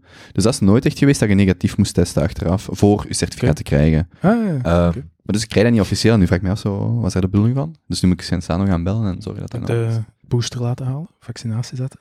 Oh, Makkelijk, over corona hebben, please. Nee, Nee. Nee, we hebben het echt al te, we hebben het echt al te veel over. maar ik, ik, ik krijg dat dus niet, dus ik vraag me af, wat, wat is daar de redenering achter? We Waar... kunnen misschien wel dat applaudisseren voor de zorg. Oh ja, best al acht Stop uur. met dat virtue signalen, Jan. Wel, Wil jij nu gaan applaudisseren? Dat is twee achter... Ja, nee, dat is niet laat, maar... Oké. Nee. Gaan we dat doen? ik weet niet. Heb jij nog een stressje gehad? Ehm, ik heb een... ehm, ik heb eh, 60 studenten die elke... ehm Was student? 60 stu- ik geef lessen. Ja, ja, ja. Dus ik heb 60 studenten die een eh, taak moesten indienen voor een vak, eh eerstejaarsstudenten, en die moesten een taak indienen voor eh, beroepsgericht schrijven. Dus we vinden dat het niveau van wat? studenten... Beroepsgericht schrijven. beroepsgericht schrijven. Ah, ja. Mooi. We vinden dat, Maar die moet niet praten daar. Het gewoon... we vinden dat het niveau van studenten veel... Allee, wij, heel onderwijs en allee, heel veel mensen vinden dat het niveau van studenten veel te laag is, zeker qua schrijven. Die kunnen gewoon niet meer deftig schrijven. E-mails, die kunnen gewoon geen deftige e-mail meer opstellen. Dat is gewoon bijna problematisch. Die gebruiken sms-taal, emojis. Dat, allee, dat is voor andere zaken belangrijk, Geen maar niet punten, voor... hè? Ja, niet voor... Punt gebruiken die niet, hè? Die gebruiken geen punten, die gebruiken niks, geen hoofdletters. Ik heb wel, om daar Ja. punt kracht bij te zetten, weet je nog dat jullie feedback hebben gegeven voor, eh, voor de psycholoog? Ja. Ik denk jullie drie. Ik heb dat laten lezen aan iemand en die zei, goh, het is toch erg gesteld met, eh, dat met, met de schrijfstijl. Feedback. Feedback. Feedback. Right. Ja. Dus ook bij de oudere mensen. Ja, dus, eh, dus mensen probleem. kunnen gewoon niet schrijven. En dus ze, ze willen... Er is echt een vak in een orthopedagogie, jeugdcriminologie opleiding, waarbij de studenten dus een half jaar lang ehm, schrijven krijgen van mij. Dus die krijgen een vak waarbij dat die motivatiebrief moeten schrijven, et cetera. En dat niveau is belachelijk laag, want die moeten mij dus allemaal een e-mail sturen tijdens de les. Dus ik, zet, ik schrijf mijn naam op bord. Ik zeg hey, Schrijf een, eh, een korte e-mail naar mij, waarbij dat je zegt dat je te laat gaat zijn deze les. Ehm, gewoon om het niveau te checken. Die schrijven de helft van die e-mails, en dat is echt waar, komt gewoon niet aan bij mij. Omdat die mijn naam verkeerd schrijven. Maar dat is KDG, hè? dat is niet UA. Dat maakt niet uit. Dus die e-mails komen al niet aan. Diegene, allee, dus dat is gewoon echt schrijnend. Dus ik doe het dan zelfs nog een tweede keer. Allee, dus die maken volle bak fouten. Dus die moesten vandaag, eh, vorige week, een taak indienen. Een eh, motivatiebrief. Een fictieve motivatiebrief. Ehm, los van de inhoud van die brief, ik kan, kan het daar niet over hebben, eh, heb ik een vakje ge, geselecteerd van wil je nog iets kwijt aan uw docent? Gewoon zo om te zeggen van, wilt je nog iets ventileren? Misschien had je corona of misschien was uw taak niet goed gelukt. En iemand eh, van die studenten had een hartje ingeschreven naar mij. Oh. Ja, ik weet niet. Ik vind dat niet zo heel professioneel. ik, vind dat, ik vond dat heel raar om te zien. Als student op een hogeschool een hartje sturen naar de docent, ik weet niet. Ik vind dat iets... Maar dat weet niet of dat jullie dat misschien een crush op u. Misschien luister je naar de podcast. Ja. De kerstspecial. Wow, ik vond dat gewoon niet zo fijn, dus ik, ik wist ook niet wat ik daarmee moest doen. Dus ik dacht, moet je die student nu plus 1 geven of min 1, of wat moet ik daarmee doen met dat hartje? Dus ik stuur dat in de WhatsApp-groep van mijn docentengroep, dat zijn, we zijn met 100, en ik stuur een screenshot, beste collega's, eh, wat zou je hiermee doen? En dat is een week geleden, en dat is gelezen door 100 man en niemand heeft gereageerd. ja. En ik, eh, ik krijg stress van. Ja, dat snap ik wel. Ja. Dus je hebt er gewoon nog niet op gereageerd. Je hebt het gewoon laten... niemand. Nee, Laat het niemand. zinderen. Dat is gewoon blauw en dat is 100 man, dus dat is blauw. En je wandelt tot de gangen van school en je komt die mensen tegen Ja, en die, die, die die zeggen zo wat niks. weg of zo. Ja. Ja, bon. Hmm. Ik zou eens iemand gewoon in die wandelgangen aanspreken. Je hebt dat toch gezien, of niet? Heb jij dat blauw gemaakt? Ja, oké. Dus ja, dat is mijn stress. zeg, en dus die, die arme studenten wachten ook al gewoon een week op een reactie van u. Ja, die wacht inderdaad. Je zit die aan het ghosten. Ja, Germe. Maar moet hij er punten niet? Eh, die, heeft, eh, die heeft haar punten al gekregen. En? Plus één, min één. Eh, ze heeft een goede motivatiebrief geschreven. Ja, dat zou wel Ik heb haar het voordeel van de twijfel gegeven. Oké. Alright. Zullen we misschien naar vraag 2 gaan of zo? Of jij, heb jij nog een... eh, Ik heb wel een kort stressje. Ik had iets staan over Facebook en Meta en zo, maar ik was deze namiddag aan het denken. Eigenlijk is mijn stressje echt veel banaler. Ken je al Marie Wijnands? die knappe vriendin van Ja. eh, Humpy Dumpy? Daar kijk ik naar stress van. Hè? Wie is Zo? dat? Omdat Ja. hij te knap is. Ik ken niet zo In niet. een revolutie wordt hij als eerste vermoord, hè? Die is te knap. dat is echt, Fuck, dat is... dat is echt mijn theorie van knappe mensen. Oh, Jesus. Is, Is jij ook? Dus ik, ik volg op Instagram. Ik probeer zo onder de 200 mensen die ik volg. Eh, want anders begint dat ding gewoon... Allee, dan, hè, dat, dat fuck me wel kop. En ik had zo een paar maanden geleden gewoon on- on- oneindige scroll. Allee, is niet gezond, hè. Ehm, en eh, een paar maanden geleden was ik eh, aan het praten met een, met een dame. En ik zei, ja, wie is nu zo... Hè, want ik volg geen influencers. Ja. Hè? En... oh, Jesus. Ik hoop- Eh, en ik vroeg, ja, allee, zeg nu zo eens een goede Antwerpse influencer. Hè? Wie moet ik volgen? Toen zei hij, ja, Marie Wijnands. Hè? Ja, Marie, hè. ik ken die niet. Dus ik, eh, ik volg Marie Wijnands. Knappe madame. Even af. Maar, eh, ja, jong, daar krijg je de stress van, hè. En ik volg zo... Allee, die er, Wow, wow, Maar wat waarom, doet hij? Waarom krijg je er stress van? jongen, die er leven, dat kan niet, hè. Sorry. Sorry. Wie volgt allemaal Marie Wijnands? Ja, Amai. Dat is echt belachelijk. Serieus. Wat doet hij? Wat doet hij? Is dat kunstenaar? Is dat zangeres? Wat is dat? 20, 30 procent van Maar de... is, ja, die is de, dat is de vrouw van die, van die team van... eh allee, sorry. Van die... eh, Dat was heel spontaan, dat was mooi. Maar wat Die mannen, die mannen staan straks ook in de paliter, hè? ja, ja. Eh, ehm, Maar ja, noemt die- Mathieu die- Terrein. Ja, Van Bazaar, die zanger. ja. En dat is de vrouw ervan. Ja, maar dat is niet hetgeen waarom dat die bekend is, denk ik. Allee, misschien ook wel. Maar dat is een, dat is een, een, een fotografe. En precies wel echt het vak. Een model of een fotograaf? Nee, nee, nee. Ja. Ik weet niet voor waar ze het meeste volgers heeft. ik denk dat één... Ja, ik weet Maar wat niet. doet ze dan dat jij zegt? Fotogra- ja, nee, kan niet. dat is gewoon echt... Ik sta deze ochtend op, ik kijk naar mijn agenda. Godverdomme, ik moet deze namiddag naar Brussel en ik heb nog drie afspraken. Deze avond nog zien dat ik daar... En dan doe ik zo even Instagram open, eh, s ochtends. Probeer ik zo wel uit te stellen, maar eh, gemediteerd. En dan eh, toch even Instagram open doen. En dan kijk je zo en dan zit hij in fucking Mexico in een of ander belachelijk goed uitziend resort. En dan denkt hij, maar Meske, jij zat twee weken geleden ook in een resort ergens in Zuid-Amerika. En dan moet, moet hij niet werken? Alleen zo daar? Maar dat zit hij heel diep. Ja, maar heel dat is diep. heel de tijd Ik vandaag. denk, ik denk dat het probleem is dat jij nog nooit influencers hebt gevolgd. Ja, maar ik volg er één en ik heb deze al. En dan denk ik, die... Allee, Heb je dan, kijk ik, dan, zit ik mijn, dan zit ik naast mijn stiefzusje. Hè? 20 jaar. Die volgt dan 2500 man. 80% zijn influencers. Die is fucked, hè? Die is- Ja. Dat is heel een dag lang. Zwaar. eh. Je, je weet dat hier ook minstens vijf mensen zijn. Ja, sorry. Als ik iemand heb geschoffeerd, maar dat is gewoon, denk ik, echt niet gezond. Allee, ik volg er één. En dat doe al de... Allee, en ik ben een vent, hè? Ja, nee, ik ga, ik, ga het, ik ga het niet doen. Maar het heeft iets met godverdomme te maken. En Ja, maar de andere nee, hand zit ergens nee, anders. dat niet, maar gewoon... Allee, echt, ik denk dan echt... Dat is deze ochtend, ik zag dat en dan voelde ik...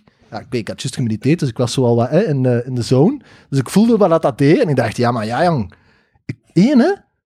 Dat is heel een dag lang soms. Ze ontvolgt. Nee, dat zie ik niet. dat lukt dus niet, hè? Morgen vroeg, morgen Dus vroeg. ik stuur dat dan ook als ik zo... Hè, en ik heb dat de laatste weken Heb je nog... tegen al- haar gezegd? Nee, ik heb dat dan aan die vriendin gestuurd. Ik zei, jongen, allee, jong, dat kan dat toch niet meer? Zei, ja.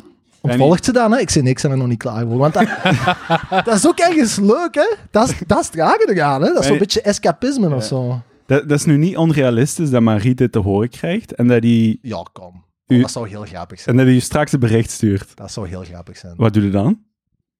Dan ga ik eens een pen drinken met Marie. Dan- ja, serieus, dan wil ik wel eens een klapje gaan. Hoe doe jij dat? Allee, die schiet voor Louis Vuitton en zo. Zeg, in welk resort zou je dan nooit, afspreken? maar wacht, ik heb nog nooit, ik heb nog nooit iemand tegengekomen die dat iets of wat op hoog niveau zit in zijn business en die zit op het hoogste niveau in de fotografie, zonder echt gewoon fucking uren te kloppen, hè.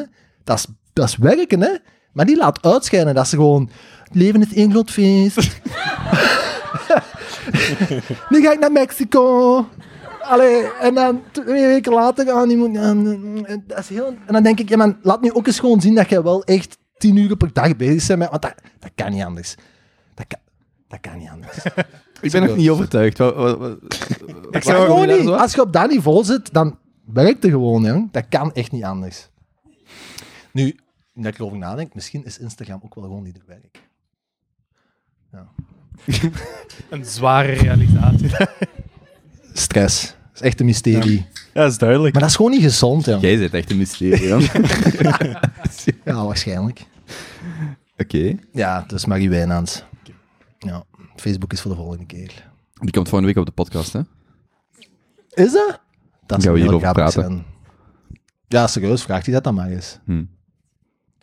Zo vermoeiend, zo sociale media onderhouden. Geen bericht. Ik vind dat wel een mooi doel, zo die 200 volgers of minder.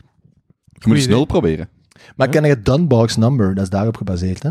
Nee, ga verder. Dus je hebt een, ehm, er is eh, een, een limiet aan de hoeveelheid sociale... eh, allee, je kunt, wij zijn ontwikkeld om in stammen te leven van ongeveer max 150 man. Het enige wat ik kan denken is, waar komt dit nu weer van? Ja, dat weet ik niet. Maar ga verder. ga verder. boeken. Eh, en dus doorheen de honderdduizenden jaren aan evolutie is ons brein gevormd om ongeveer van 150 mensen tot, als je echt 200, hè, max denk, eh, als je het echt wilt pushen, op de hoogte te zijn van ongeveer hoe dat daarmee gaat. Wat is je naam? Wie is je partner? Wat doen die? Ongeveer zo echt en ook op de hoogte blijven, max ongeveer een 200 man. Dat vind ik precies nog veel, om echt van te weten wat ze aan het doen zijn. Ja, ja, maar het gemiddeld kaufen. Wat is dat met je Instagram-volgers te maken? Je Ah, wel? hebt toch meer dan 200 man? Ja, dat is gewoon onnatuurlijk om meer dan 200 man te proberen te volgen. Want Instagram is, Het deze is natuurlijk blijft- om dan Marie Wijnands te volgen, die je Maar nee, dat is kent. totaal niet natuurlijk. Ja, Of net niks- nee. heel natuurlijk. Ja, ik weet het niet. oké. Je moet echt proberen om niemand te volgen. Ik vind dat een eh verademing.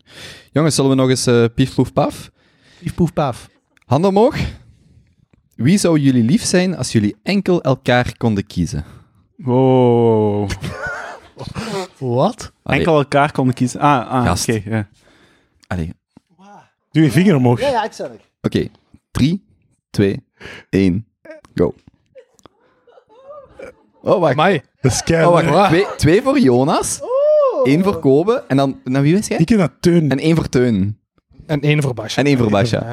Ja, Ah, dus, dus Jonas is de winnaar. I'll take it. Dank je. Oké, oké, oké. Oké, zo, zo nog een. Welke Junto Boy is de knapste? S- snel, heel even, gewoon voor zo. Ja. Oké, niet? Je zit het tegen, Gustav. 3, 2, 1, go. Ik wist het. Ja, ja, die gast. Ik wist het. Vraag 2. Welke Junto Boy is de grappigste? Maar nou, ja, dat is duidelijk. Ehm, ja, vraag 2. Heb je, noemenswaar, heb je een noemenswaardig essayboek of podcast gelezen of gehoord dat je opmerkelijk of geschikt vindt om aan de Junto te communiceren in de moraliteit, business, natuurkunde of andere delen van de algemene kennis? Je hebt daar niks staan. Juist. Kunt u niet voorbereid komen? Niks. Ik ben nog niet gewend aan dat format. Maar zeg maar. Dan moet jij ermee beginnen, Basje. Ja, want jij bent wel voorbereid. Eh, ik, heb, ehm, ik heb mij daarnet voorbereid. Eh, Twee minuten vooruit begonnen. En ik vond iets interessant. Uh, is, is er weer humo-advertenties in uw feed Ga gekomen? je nu een Of quote, Clint? ga je nu, Clint? Top 100 quotes. ga je nu een quote zeggen? Ja. Nee, ik heb nog niet... Ik heb, ik heb iets, echt, iets, eh, iets echt interessants. Ik ga jullie iets bijbrengen. We kijken er allemaal naar uit. Ja, ik zit zo in een criminologisch werkveld. En eh, Wat wil dat zeggen?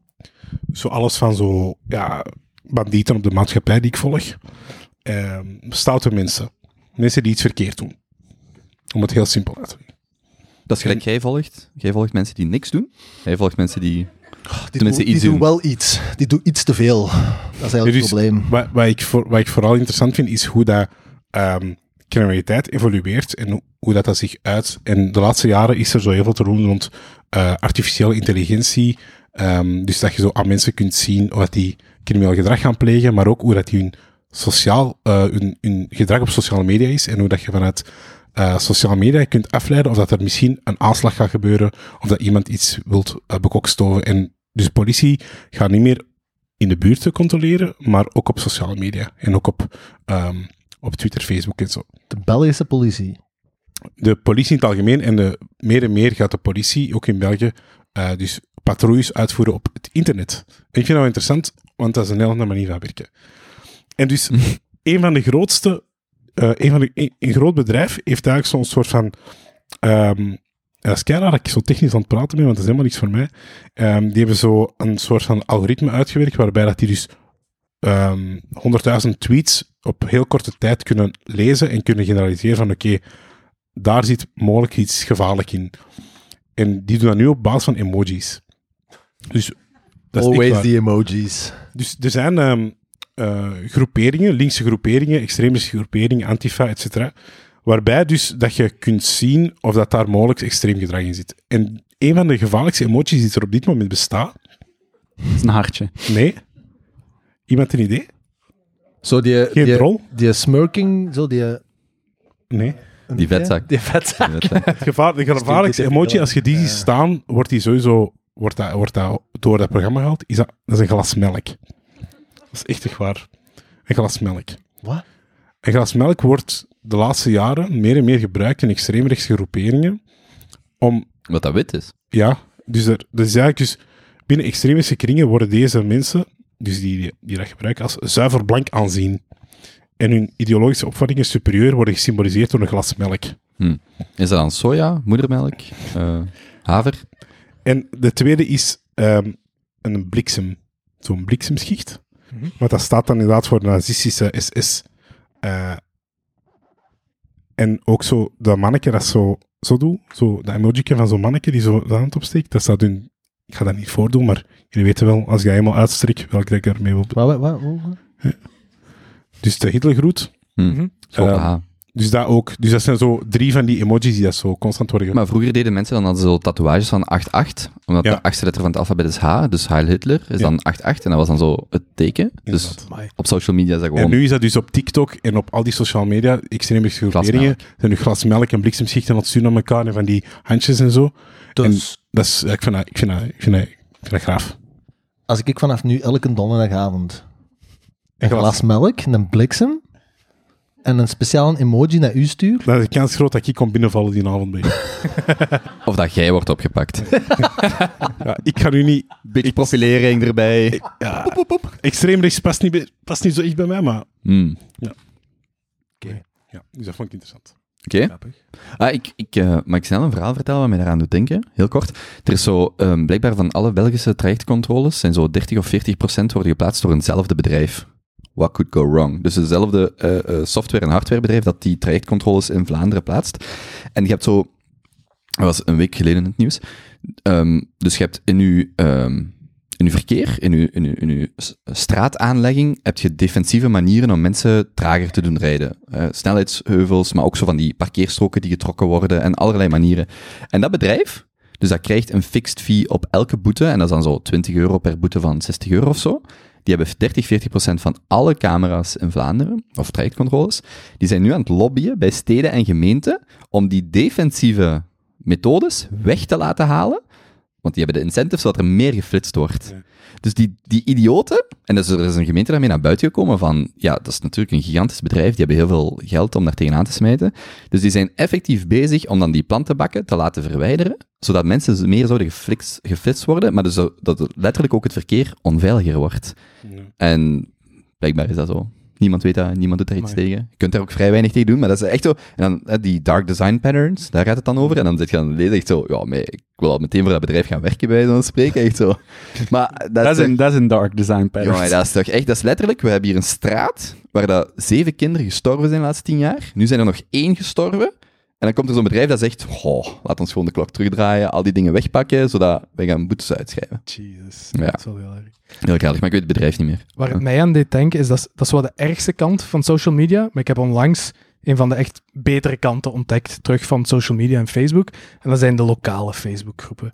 Daar heb ik echt van genoten de afgelopen weken. Dus ik ben... ja, we zijn gaan wonen in Kesselo Kesselo. rattenverdelgers. Je zei- Oh, joh, dat, ge- exact die. Je zijt van Kesselo als... Oh. Dat is prachtig. Daar zitten mensen tussen van alle walks of life, dus dat is, dat is heel mooi. En iets wat Stad Leuven onlangs heeft ingevoerd, is overal zone 30. Alle buitenwijken, alles rond Leuven. Overal, alles. Alles 30. Niks 50, niks 70. Kesselo. Overal 30 per uur. Ja, 30 per uur. Dus natuurlijk op die groep gewoon thread na thread. 170 comments, 300 comments. Allemaal mensen die niks anders te doen hebben dan te zeggen: ja, maar die fietsers. Die gaan ook wel sneller als 30. En die met een bak fietsen, met een elektrische fiets en al die shit. En dus het ene, als er iets gebeurt binnen de wijk, ook direct iedereen op die Facebookgroep onlangs, waren er dan twee helikopters in de lucht, in Kesselo. In de Echt. lucht. Van zo'n 1 tegen 30 te volgen. Ah wel, dus er wordt, we kunnen hem niet pakken met een auto. er wordt gepost op die Facebookgroep. Oh, er zitten twee helikopters in de lucht. Wat is er aan de hand? De eerste, zo'n 50-plussers. Ze zijn die mensen aan het zoeken die rapper rijden als 30 per uur. François de Meulemeester vindt dit leuk. Dat is prachtig. Echt hilarisch. België. Echt hilarisch. Alright. Alright, cool. Ik woon ook in een zone 30, maar Raja Nangelen veegt daar zijn kloten aan. Die veegt daar tegen 105 door, blijkbaar. Voor nationale. Yes. Ja. Zelfs de politie rijdt daar te hard. Dus ik maak er een sportje voor om zo op dat zebrapad. Dus dan ben er niet fier op. Ik pak een fles wijn. Zo in het geval dat ik zo mij kan verschieten, dat die ook beseffen dat die iets doen.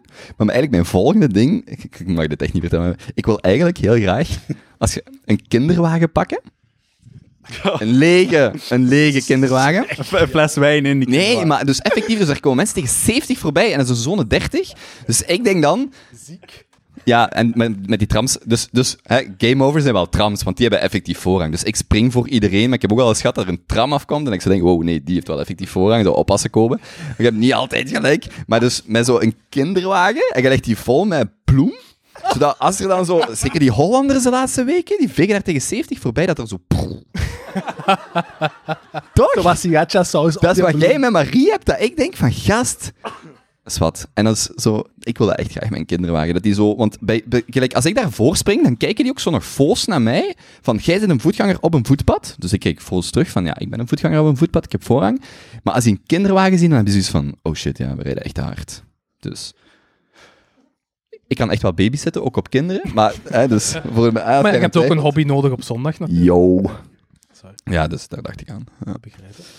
Je had ook wel iets voorbereid voor eh, antwoord op de vraag. Ja, eh, ik kan het even bijpakken. Ja, nu gaan we misschien eh, ja, een beetje eh, switchen van, eh, ehm, van vibe of zo. Maar ik, ik vond deze wel heel gaaf. Vorige week is bekend geraakt dat de grootste seed-investeringsronde ooit is gedaan. Dus seed is als je eigenlijk als start-up begint en je hebt een idee en een heel goed team en misschien al een proof of concept, dus je hebt alles in, in een bepaalde setting aangetoond dat uw idee potentieel heeft. Meestal in Vlaanderen krijg je dan tegenwoordig misschien 200.000 euro, in de States 20 miljoen eh, vorig jaar. En eh, vorige week is er eh, een bedrijf ingeslaagd om met een presentatie en een goed team en ook wel een technologie dat erachter zit, 3 miljard dollar op te halen in een seedronde. Dus die hebben nog geen product, die zijn nog niks aan het verkopen en die hebben 3 miljard opgehaald. Ehm, en dat bedrijf noemt Altos Labs. Nu, natuurlijk, qua markt waar dat ze achteraan gaan, kan het wel tellen. Ehm, want die hebben als missie om ehm, eigenlijk de mensheid stop te zetten met te verouderen. Ehm, en daar zijn de laatste jaren heel veel heel beloftevolle onderzoeken naar geweest. Ik denk dat David Sinclair, hè, wel gekend, die een, eh, die een eh, Harvard-onderzoeker, die is er al in geslaagd om in zijn lab in Harvard muizen, die daar dus een muis wordt ook echt oud en die krijgt dan ja, zo de typische kwaaltjes, gelijk als wij ook zo wat, eh, allee, het gaat allemaal wat trager en de gewrichten doen pijn en die zien wat minder goed. En dan is erin geslaagd om die met eh, de juiste behandelingen terug jong te maken. Dus eh, dat is de eerste keer dat dat in zoogdieren is gelukt. Ehm, en daar is dan ook een Nobelprijs voor gegeven, voor, ik denk dat dat de Yama, Yamayaka, alleen zo die... Nee? Ja, dat, dat, Nee. ik heb dat ook al wat gehoord. Probeer nog eens. Nee, ik kan niet nog eens proberen. In elk geval, die gast zit er ook bij, die had die Nobelprijs gekregen voor dat onderzoek ernaar. Ehm, maar die hun missie is dus echt het herstellen van de gezondheid en veerkracht van cellen om ziekte, verwondingen en de handicaps die zich gedurende het hele leven kunnen voordoen om te keren. Dus, ja, Klinkt goed voor u, hè? klinkt goed voor iedereen, nee? Wat ik- Ouderdom wordt gewoon een ziekte en ze ambiëren om tegen 2030 hun eerste behandeling op de markt te hebben. En het theoretisch onderzoek wat het onderbouwt, want anders gaat er natuurlijk geen 3 miljard, 3 miljard in pompen. 3 miljard. Tenzij uw bedrijfsfotograaf Marie Wijnands is, hè? Ja, ja, maar, Ja, maar Marie, grappig, kan maar ze niet? Je moet echt eens naar die profielen gaan kijken die op die Dat website staan. Mm. Dat is allemaal precies Hollywood, Hollywood acteurs. Of, of zo top of the bill, New York, chatset. Dat is ongelooflijk. Maar dat is wel heel grappig, hè, want al die, echt de top van die onderzoekers, gelijk die David Sinclair ook, die is er 55, ja, die ziet er 35 uit, hè. Omdat hij er aan het toepassen is, Hm. wat hem onderzoekt en wat hem, allee, wat hem echt al heeft gepubliceerd. En die mens, ja, en die is dan nu, is heel grappig, die is een pa, is er zo 88. Ehm, en die mens was eh tien jaar geleden zo echt, ja, hè, dat je denkt, oeh, papa gaat er niet meer al te lang zijn. En nu is hij er 88. En eh, die ziet er eh, tien jaar jonger uit als dat hij er tien jaar geleden uitzag. Hm. En eh, ja, dat is wel heel boeiend. Ook wel als hij naar podcast komt bij Joe, Rogan en zo, die legt ook gewoon uit van wat hij nu aanraadt dat je als mens kunt doen als je gewoon naar een apotheek gaat. Hè. Welk, wat voor allee, levensstijl, welke medicamenten dat je kunt pakken op voorschrift of niet op voorschrift. Eh, wat soort voor oefeningen dat je moet doen. Maar ehm, ja, ik, vond dat gewoon een leuk idee om misschien eens over na te denken. Van, stel als dat nu in 2030, het is zowijd. En in het begin waarschijnlijk eerst voor de lucky few, maar daarna heel snel voor iedereen. Ouder, veroudering is een optie. Ik geloof wel oprecht, dat zo, gelijk dat onze generatie niet meer gelooft dat klimaatverandering, dat dat bewezen moet worden. Gelijk je had nog zo een generatie ouder die zei, ja, ja, ja, het zal wel. Zo iedereen van onze generatie gelooft dat dat waar is. Ik denk dat zo de volgende generatie inherent gaat geloven dat ehm, ouder worden, aftakelen, sterven, is misschien nog wat te snel, maar dat die niet gaan geloven van, we moeten dat niet accepteren als dat is gewoon iets. En zo het bekendste essay is van Nick Bostrom, van Superintelligence, een boek. De essay heet ehm, Fable of the Dragon Tyrant. Waar dat hij Ja, ja. waar dat hij eigenlijk in dat essay uitlegt van sterven vergt... sterven haalt eigenlijk zoveel van ons potentieel weg als soort. En er sterven gewoon onnodig mensen. Maar dat zoiets als je vandaag tegen iemand zegt, je hoeft niet te sterven, dan kijken die zo naar je van, wat, ik hoef niet te sterven. Zo, Tuurlijk hoef ik te sterven. En, alle, en dan nog alle ethische implicaties er langs gelaten. Maar dat er echt zo, dat gaat niet meer zo lang duren dat mensen zich beseffen van, wij hoeven eigenlijk helemaal niet te sterven. Of tenminste niet op ons 80ste. Wij kunnen misschien sterven op ons 120ste, 150ste of verder. En dat is echt wel zo, niemand had dat nu geloofd, hè. Maar geef dat nog een generatie, denk ik, en dan Maar- komt dat echt wel. We zijn, we zijn waarschijnlijk al op dat punt, hè, dat we die, wat is het, ehm, longevity escape velocity hebben bereikt. Dus dat de wetenschap in ver- verlenging van levensduur al ieder jaar met zo'n rasschreden vooruit gaat. Dat we, Eén jaar verlenging. ja, eigenlijk één jaar per jaar. Op el- we zitten al op een moment dat mensen niet meer hoeven te sterven. Alleen hebben we de wetenschap nog niet, maar tegen dat die persoon moet sterven, is er voldoende wetenschap om die in leven te houden. Dus wat gezegd is dat wij er allemaal voor altijd gaan zijn. Ja, Die kans is groot. Stel u van voor. het moment dat wetenschappelijk dat inzicht dat er op een jaar gebeurt, resulteert in dat je gemiddeld meer dan één jaar leven erbij krijgt, ja, dat is Ja, erg, hè? dan kunt je blijven gaan. Dat is gelijk van het moment dat in één General Artificial Intelligence er is, ja, twee Hmm. seconden later is je slimmer als wij allemaal gecombineerd. Statistisch gezien, even een kleine zijnoot, worden wij nu al ouder dan toen we, dat we geboren zijn. Hè? Want alle mensen die op hun dertigste of ervoor gestorven zijn, zijn al uit de statistieken. Dus wij worden al ouder dan op ons eerste levensjaar. Technisch waar, hè? Ja, ja. Maar dan, denk- dan, dan, allee, dan lees je dat en dan, denk, dan luister van daar zo wat over na. En dan denk je, allee, dan, dan, eh, iemand, het standaard reflex is, ja, maar oh, wacht, shit, want allee, we zijn al met 7 of met 8 miljard. Eh, als we er allemaal gewoon blijven, dan, zijn we, dan is de planeet toch fucked. Maar dan, eh, dan vertelt je David Sinclair zo in, in een van die podcasts van, ja, oké, maar zet er ook van bewust, met elk jaar, met elk verlenging van de gemiddelde levensduur, globaal van één jaar, hè, dus als de gemiddelde mens één jaar langer leeft, neemt de totale economie met zeven, ja, in het Engels dan triljoen, wat is dat? Jij weet dat, in het Nederlands dan? Biljoen. Ja, biljoen. Dus denk je wel- 7000 miljard, hè? Mhm. Neemt de collectieve economie toe.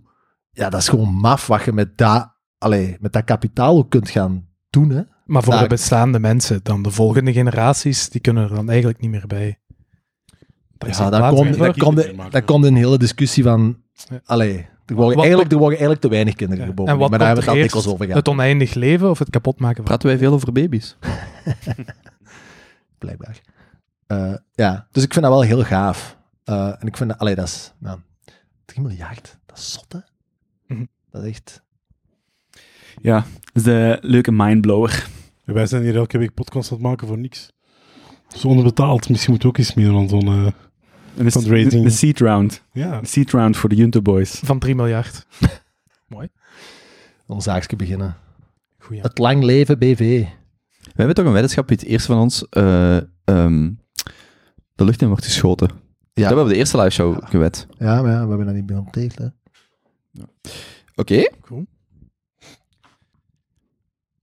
Oké. Nog verhaaltjes. Ik kan verder bomen op het medische, aangezien we daar toch in begonnen zijn.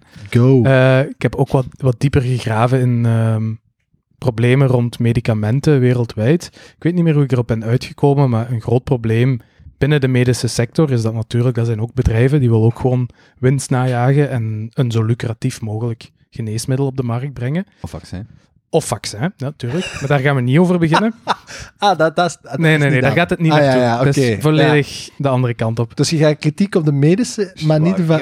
Geen kritiek zelf. Twijfel. Nee, Sorry, nee, nee. sorry. Ja. Dus een van de consequenties daarvan is, als jij een ziekte hebt die dat minder voorkomt, of waar dat de medische bedrijven minder op kunnen inzetten, dan gaan ze daar ook niet zo snel onderzoek naar doen of proberen om dat te redden, of daar iets voor doen eigenlijk om u te helpen. Ook al zou het kunnen dat uw, uw ziekte volledig geneesbaar is, dat er een relatief easy fix is, maar het is voor niemand lucratief om een fabriek op te zetten voor die honderd mensen die, ehm, die dat die ziekte hebben. En zeker in Amerika is dat ja, niet evident, want daar streven ze gewoon het, eh, de, het winstprofiel na. Nu, is een, een vrij common practice die dan gebeurt, is dat er een bedrijf is die dat een minder populair medisch geneesmiddel opkoopt en dan om dat toch te kunnen bewaren, eh, fabrieken gaat opzetten, maar als consequentie ook de prijs van dat geneesmiddel maal 10 of maal 50 of maal 60 gaat doen, om zo alles te kunnen bekostigen. Het was met Baby Pia toen. Met dat, dat kost 1 miljoen euro. of zo. Ja, echt enorm. En eigenlijk heeft dat niet zoveel impact op de gewone mensen, omdat de verzekeringen dat gewoon terugbetalen in de meeste gevallen. Dus jij als eindgebruiker betaalt nog altijd, ja, in Amerika soms wat meer, maar hier in Europa gewoon 50, 60 euro.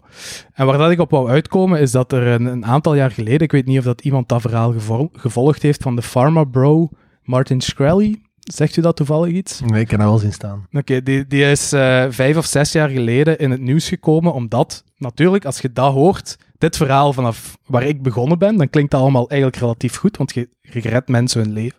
Maar waar dat die mee in de krant is gekomen, is ehm, een, eh, een medisch bedrijf checkt up de prijzen van geneesmiddelen maal 100, wanne Mongool, die, allee, die zorgt ervoor dat mensen hun me- medicamenten niet meer kunnen hebben. En eh, hij maakt het allemaal veel te duur en dat kan allemaal nog niet.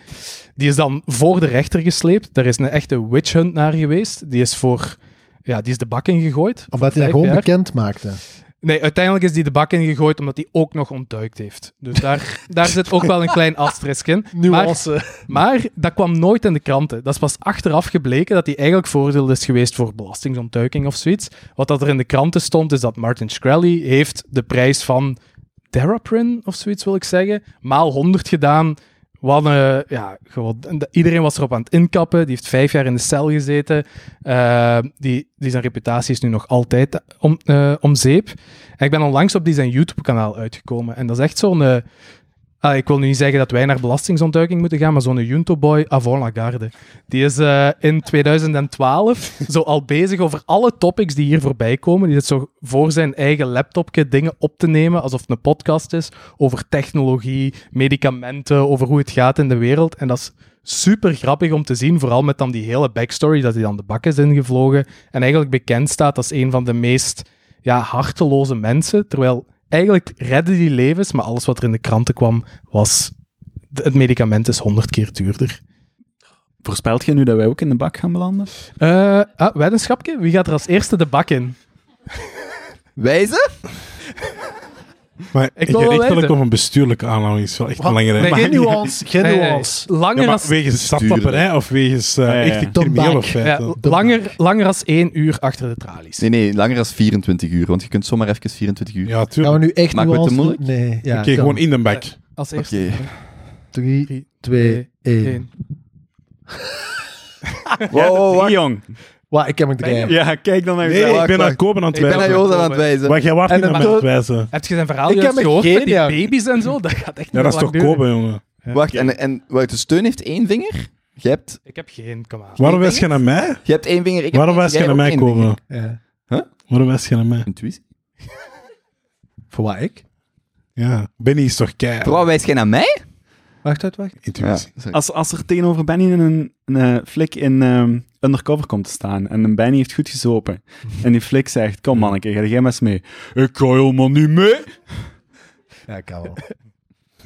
Hmm. En waarom Teun? Jij had Eh surfen, camionet, eh bandenplaat, eh ambraas, eh, kletsen uitdelen, wakker worden, minstens 24 uur. Say no more. Niemand heeft naar Nou, Jonas jij gewezen. gewezen? Ik heb naar u gewezen. met, met, Daar dat, moet geen, geen verdere uitleg. met dat verhaaltje van die baby's. Het is gewoon, it's a matter of time. Hmm. Ergens gaat iets misgaan. Je gaat kwaad worden op die bestuurders die daar door je straat chasen, Hmm. deurtje opengooien. En, dat is het dan. en Basje? Geld, Basje?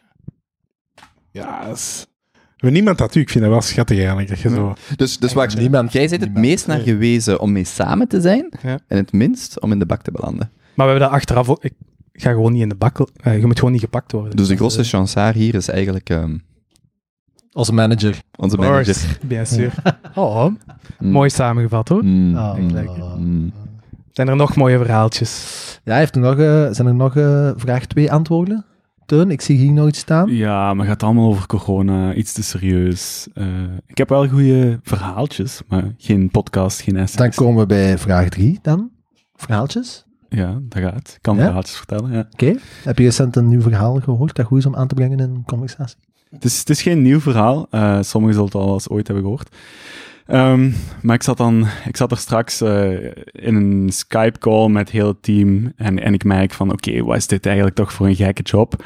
Ehm, eh, de, de CEO had een prijs gewonnen voor het Chinees nieuwjaar. En met dat de CEO wint, eh, beginnen alle developers naar elkaar te roepen van "Oh, de programmatie is gehackt, geef me de source code, eh, we worden hier belazerd. Dus ik denk van, shit, waar ben ik eigenlijk toch weer beland?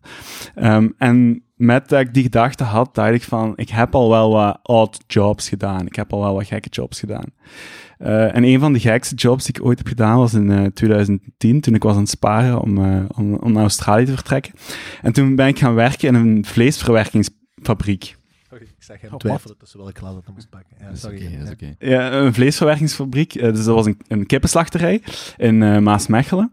Hm. Ehm, En dat is een fulltime job, niet student. ja, wel, wel studentenjob. Ah, Ik was juist afgestudeerd. Blauwe Eh, student. en en het, het, het is er eigenlijk altijd Sorry. Ja, dat is moeilijk, hè. Hey, eh, eh, het is er altijd min 2 graden, dus je komt daar binnen en zo. eh, u- eigenlijk net alsof, dat je, alsof dat corona al in het land is. Helemaal ingepakt, mondmaskers, eh, je mocht geen bacteriën achterlaten. En ik werkte daar samen met Michel, Youssef en ehm, nog een andere kleine gangster, die mij echt wel zo ja, onder de armen, onder de vleugels namen De gangster. gangster, inderdaad. Die, die, dat was van die buurten. Ehm, en dan ben ik daar te weten gekomen hoe dat ze, hoe dat ze eh, eh, pre- preparaatvlees maken. Dus eh, het, hetgeen wat in de chicken nuggets zit. Ah, oké. Ja, ehm, Zit dus- daar vlees in? ja, er zit eigenlijk heel weinig vlees in, maar vooral gewrichten, eh beenderen, vel en, en kleine botjes waar nog ieder wat vlees aan hangt. En dat werd dan iedere, ieder kwartier werd er zo vlots in een grote bak gestort op een palet. En dat werd dan in de molen geduwd en dan kwam daar een, een warme, roze stroom preparaatvlees uit die wij invroren en dat wordt dan in chicken nuggets gedraaid. Ehm, en in, die, in dat station van ons alles is daar zo uit monomaterialen, inox. En, en ook onze riek was gewoon één grote plastieke riek, want er mochten geen onderdelen in zitten die kwijtgeraakt. Onze riek. Dus het, de riek waarmee wij het vlees in de molen schepten. ja. Dus, ehm, Oh, en, en een vleesriek. ja, een vleesriek. Dus eh, op, een, op een namiddag merken we dat we maar twee van de drie vleesrieken over hebben op het station. dus er is een vleesriek verdwenen. en dan zijn we gaan zoeken. Hè, eh, dan moest ik zo'n lange, zo'n zo'n veeartsenhandschoen aantrekken en in die bakken gaan zoeken naar, naar de vleesriek. Die hebben we dan, die hebben die dan niet gevonden. Ehm, en dan hebben we, hebben we eh, onze afnemers gebeld en gezegd van ja, kijk, als het preparaatvlees binnenkomt, check dus of er geen riek in zit. Als het smaakt naar riek, laat ons iets weten.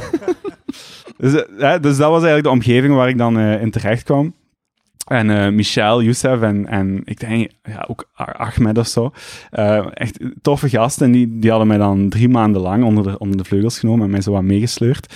Ehm, en ik ging dan vertrekken naar Australië. En die van, oh super, hè, stuur ons een kaartje. eh, te gek dat je hier zit komen werken. En die geven mij als afscheidscadeau echt gelijk een, een plukje wiet, zo'n kleine nugget, in een leeg... Een Een wheat nugget. Ja, een wheat nugget in een leeg sigarettendoosje. En ik rij op dat moment eh, rond met de kabinet van ons mama, helemaal ingeduffeld. Ik zie er zo eh, niet, niet eh, een beetje schooierachtig uit. En ik moet, ehm, ik moet de grens over, want ik werk in Maasmechelen. En met dat ik de grens wil aanrij, zie ik in de verte zes politiewagens staan. Dat was een week voordat ik naar Australië moest vertrekken. En de pakje sigaretten ligt op mijn dashboard. En ik krijg zo al wat angstzweet met dat ik daar aanrij. En ik draai het eh, raampje naar onder. En die agent zegt van... Dag meneer, heb je toevallig gedronken of heb je drugs bij of zo? En ik zeg... eh nee. en die agent... eh nee. en ik begin zo na te denken en ik denk van... "Va, dat is niet genoeg om mij effectief in de bak te steken. Is het best, wat is het beste dat ik hier doe? En ik zeg, meneer... Je gaat deze niet geloven, hè? maar ik ben juist gestopt met mijn vorig eh, bedrijf en ze hebben me hier nou een plukje wiet op mijn dashboard gegooid. Hier is het, meneer. Je mocht zelf kijken. Eh, Verder heb ik echt niks bij. Riek er maar aan. Ah, je hebt, niks, je hebt verder niks bij in uw kabinet. Nee, nee, nee, nee, nee. Kijk maar rond. Ja, dat gaan we doen. Eh, En het was zo een, een winterdag. En ik had dan... ja, Dat was echt al een kabinet, zo'n camper, zoals ik nu ook eentje heb. Dus eh, voor ik het weet, zo de helft van die eh, politie... eh, eh, ja, die, al, die, al die gasten die daar stonden, zitten die achter bij mij op de bank, omdat dat de enigste warme plek was op heel die grenscontrole. En die waren zo met mij aan het lullen. En ik zei van, ja, wat gaat er nu gebeuren? Wat gaat er nu gebeuren? Ja, zo wel zien, zo wel zien. En eh, die politieagent komt terug en die gaat zo aan mijn raamje staan. Achter mij zitten dan die politieagenten op de bank. En hij, hij zegt tegen zijn collega's... Hier, die kerel die wil naar Australië vertrekken. Ah, gaat niet gebeuren, hè? ik krijg het super benauwd. En ik zeg, maar meneer, dat was toch niks? Dat was, je kunt er nauwelijks een joint mee rollen. Eh, En dan eh, zijn, ze, zijn ze effectief daar gaan afwegen, zijn ze teruggekomen, zijn, hebben, ze, hebben ze naar mijn pas gekeken, naar mijn historiek. En zeiden ze, kijk manneke, je hebt geluk dat je zo'n koorknaapje zei, hè, want we hebben niks over u gevonden. Allee, het is goed, je mocht doorrijden. Maar Ja, te maf, te maf. chanske. Wa- Wat doen die vrienden dan met die wiet, Jozef? Eh, kan de podcast even uh, afgezet worden? Dan kan ik erop antwoorden. Hm.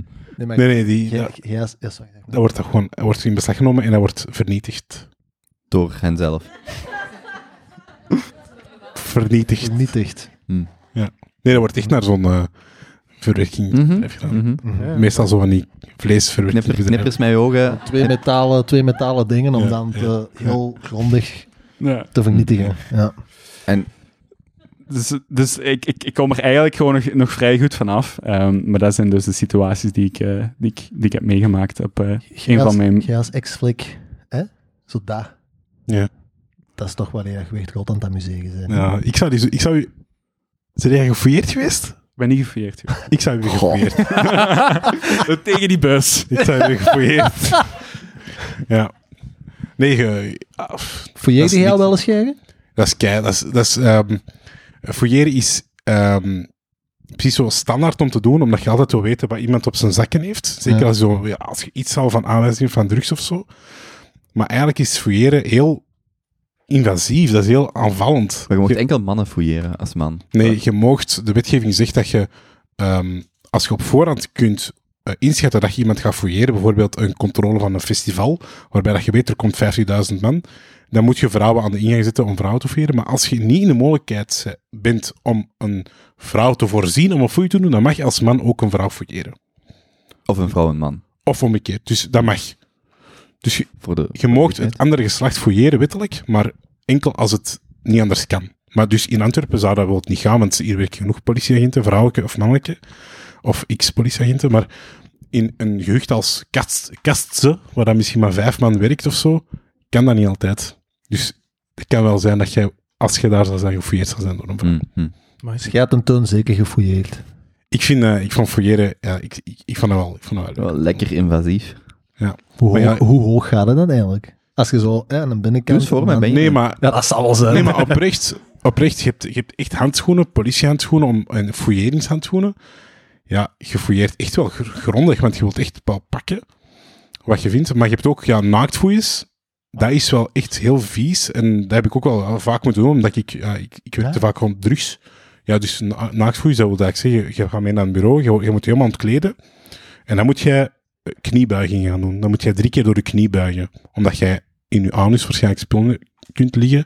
En die vallen er dan uit of die worden dan zichtbaar. Vallen eruit. Als je drie keer door je knie buigt. Kun je dat echt testen? Dat valt daar echt uit of dat wordt zichtbaar. Jesus. Ik dacht, dus al ligt zo'n flik onder. Je schijnt dat met een pil aan pop. Ja, ja, nee, die zit niks in. Eh, dat, is, dat gebeurt wel inderdaad. Ja. Dat is wel... Maar moet je dan eigenlijk echt een gegronde reden hebben om dat te doen? Je moet, eh, je moet aanwijzingen hebben dat er materiële elementen zijn die je kunt opsporen. Dus Hoe, wanneer je Ja, heel subjectief. Je kunt dat toch nooit weten op heel- voorhand? Jawel, bijvoorbeeld, als je dat busje open doet en hij zegt al, ik heb wiet op zak.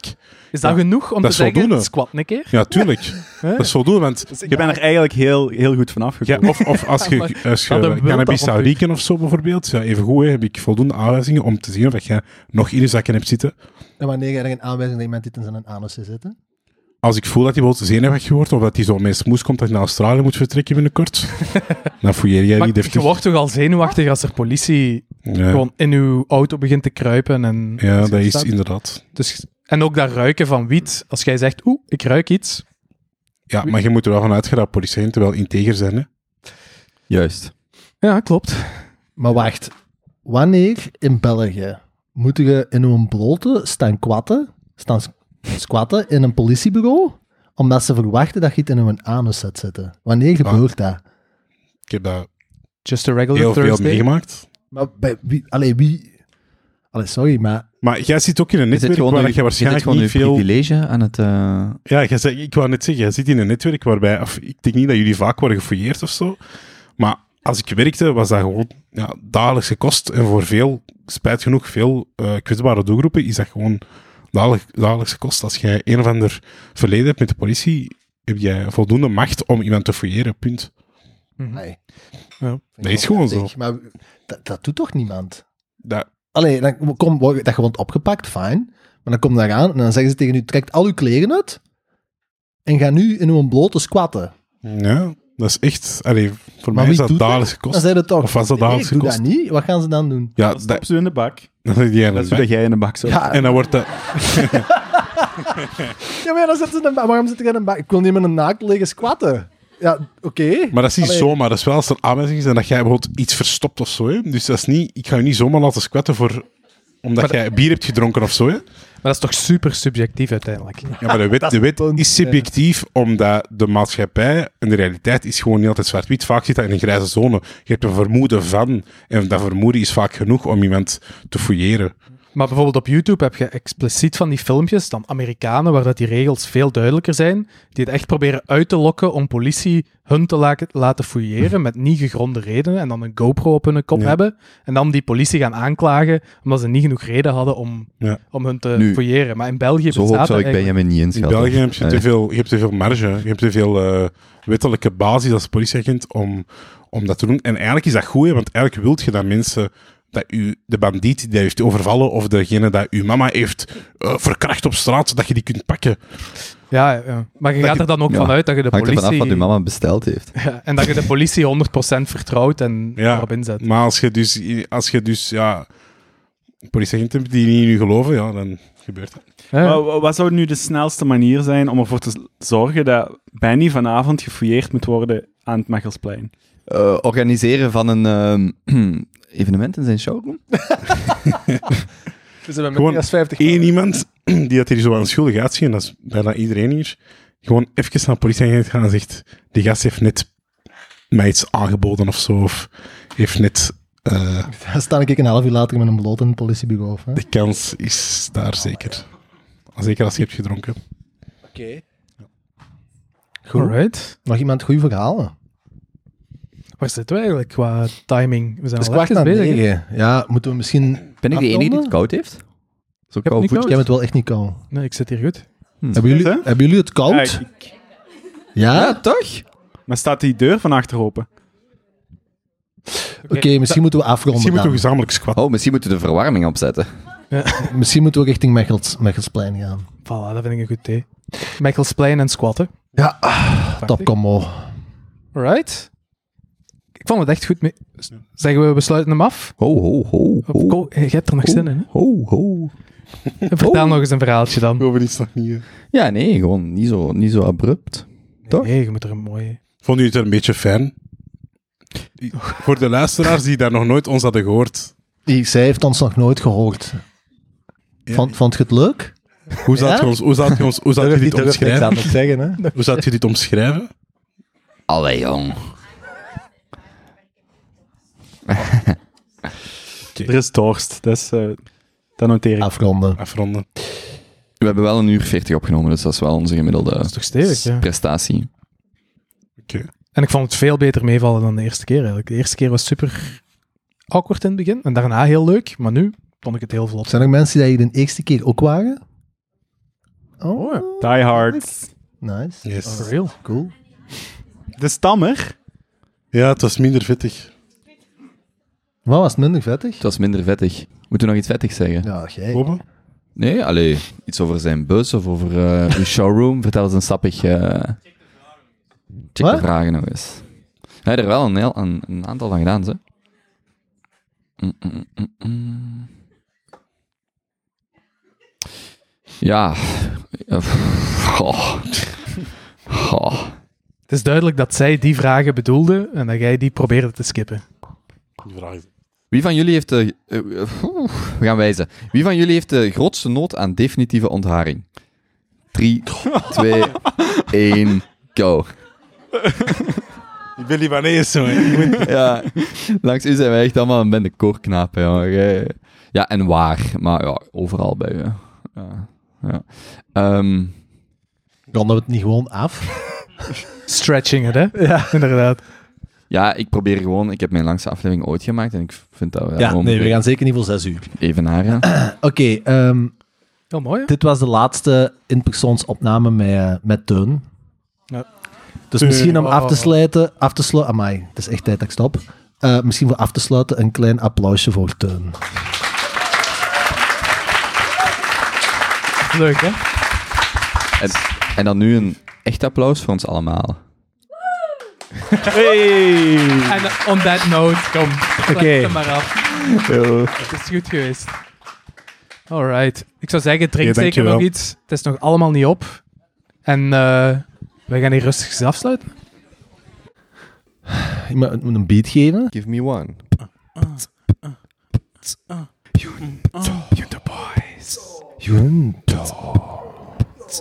Junto. Junto. Junto.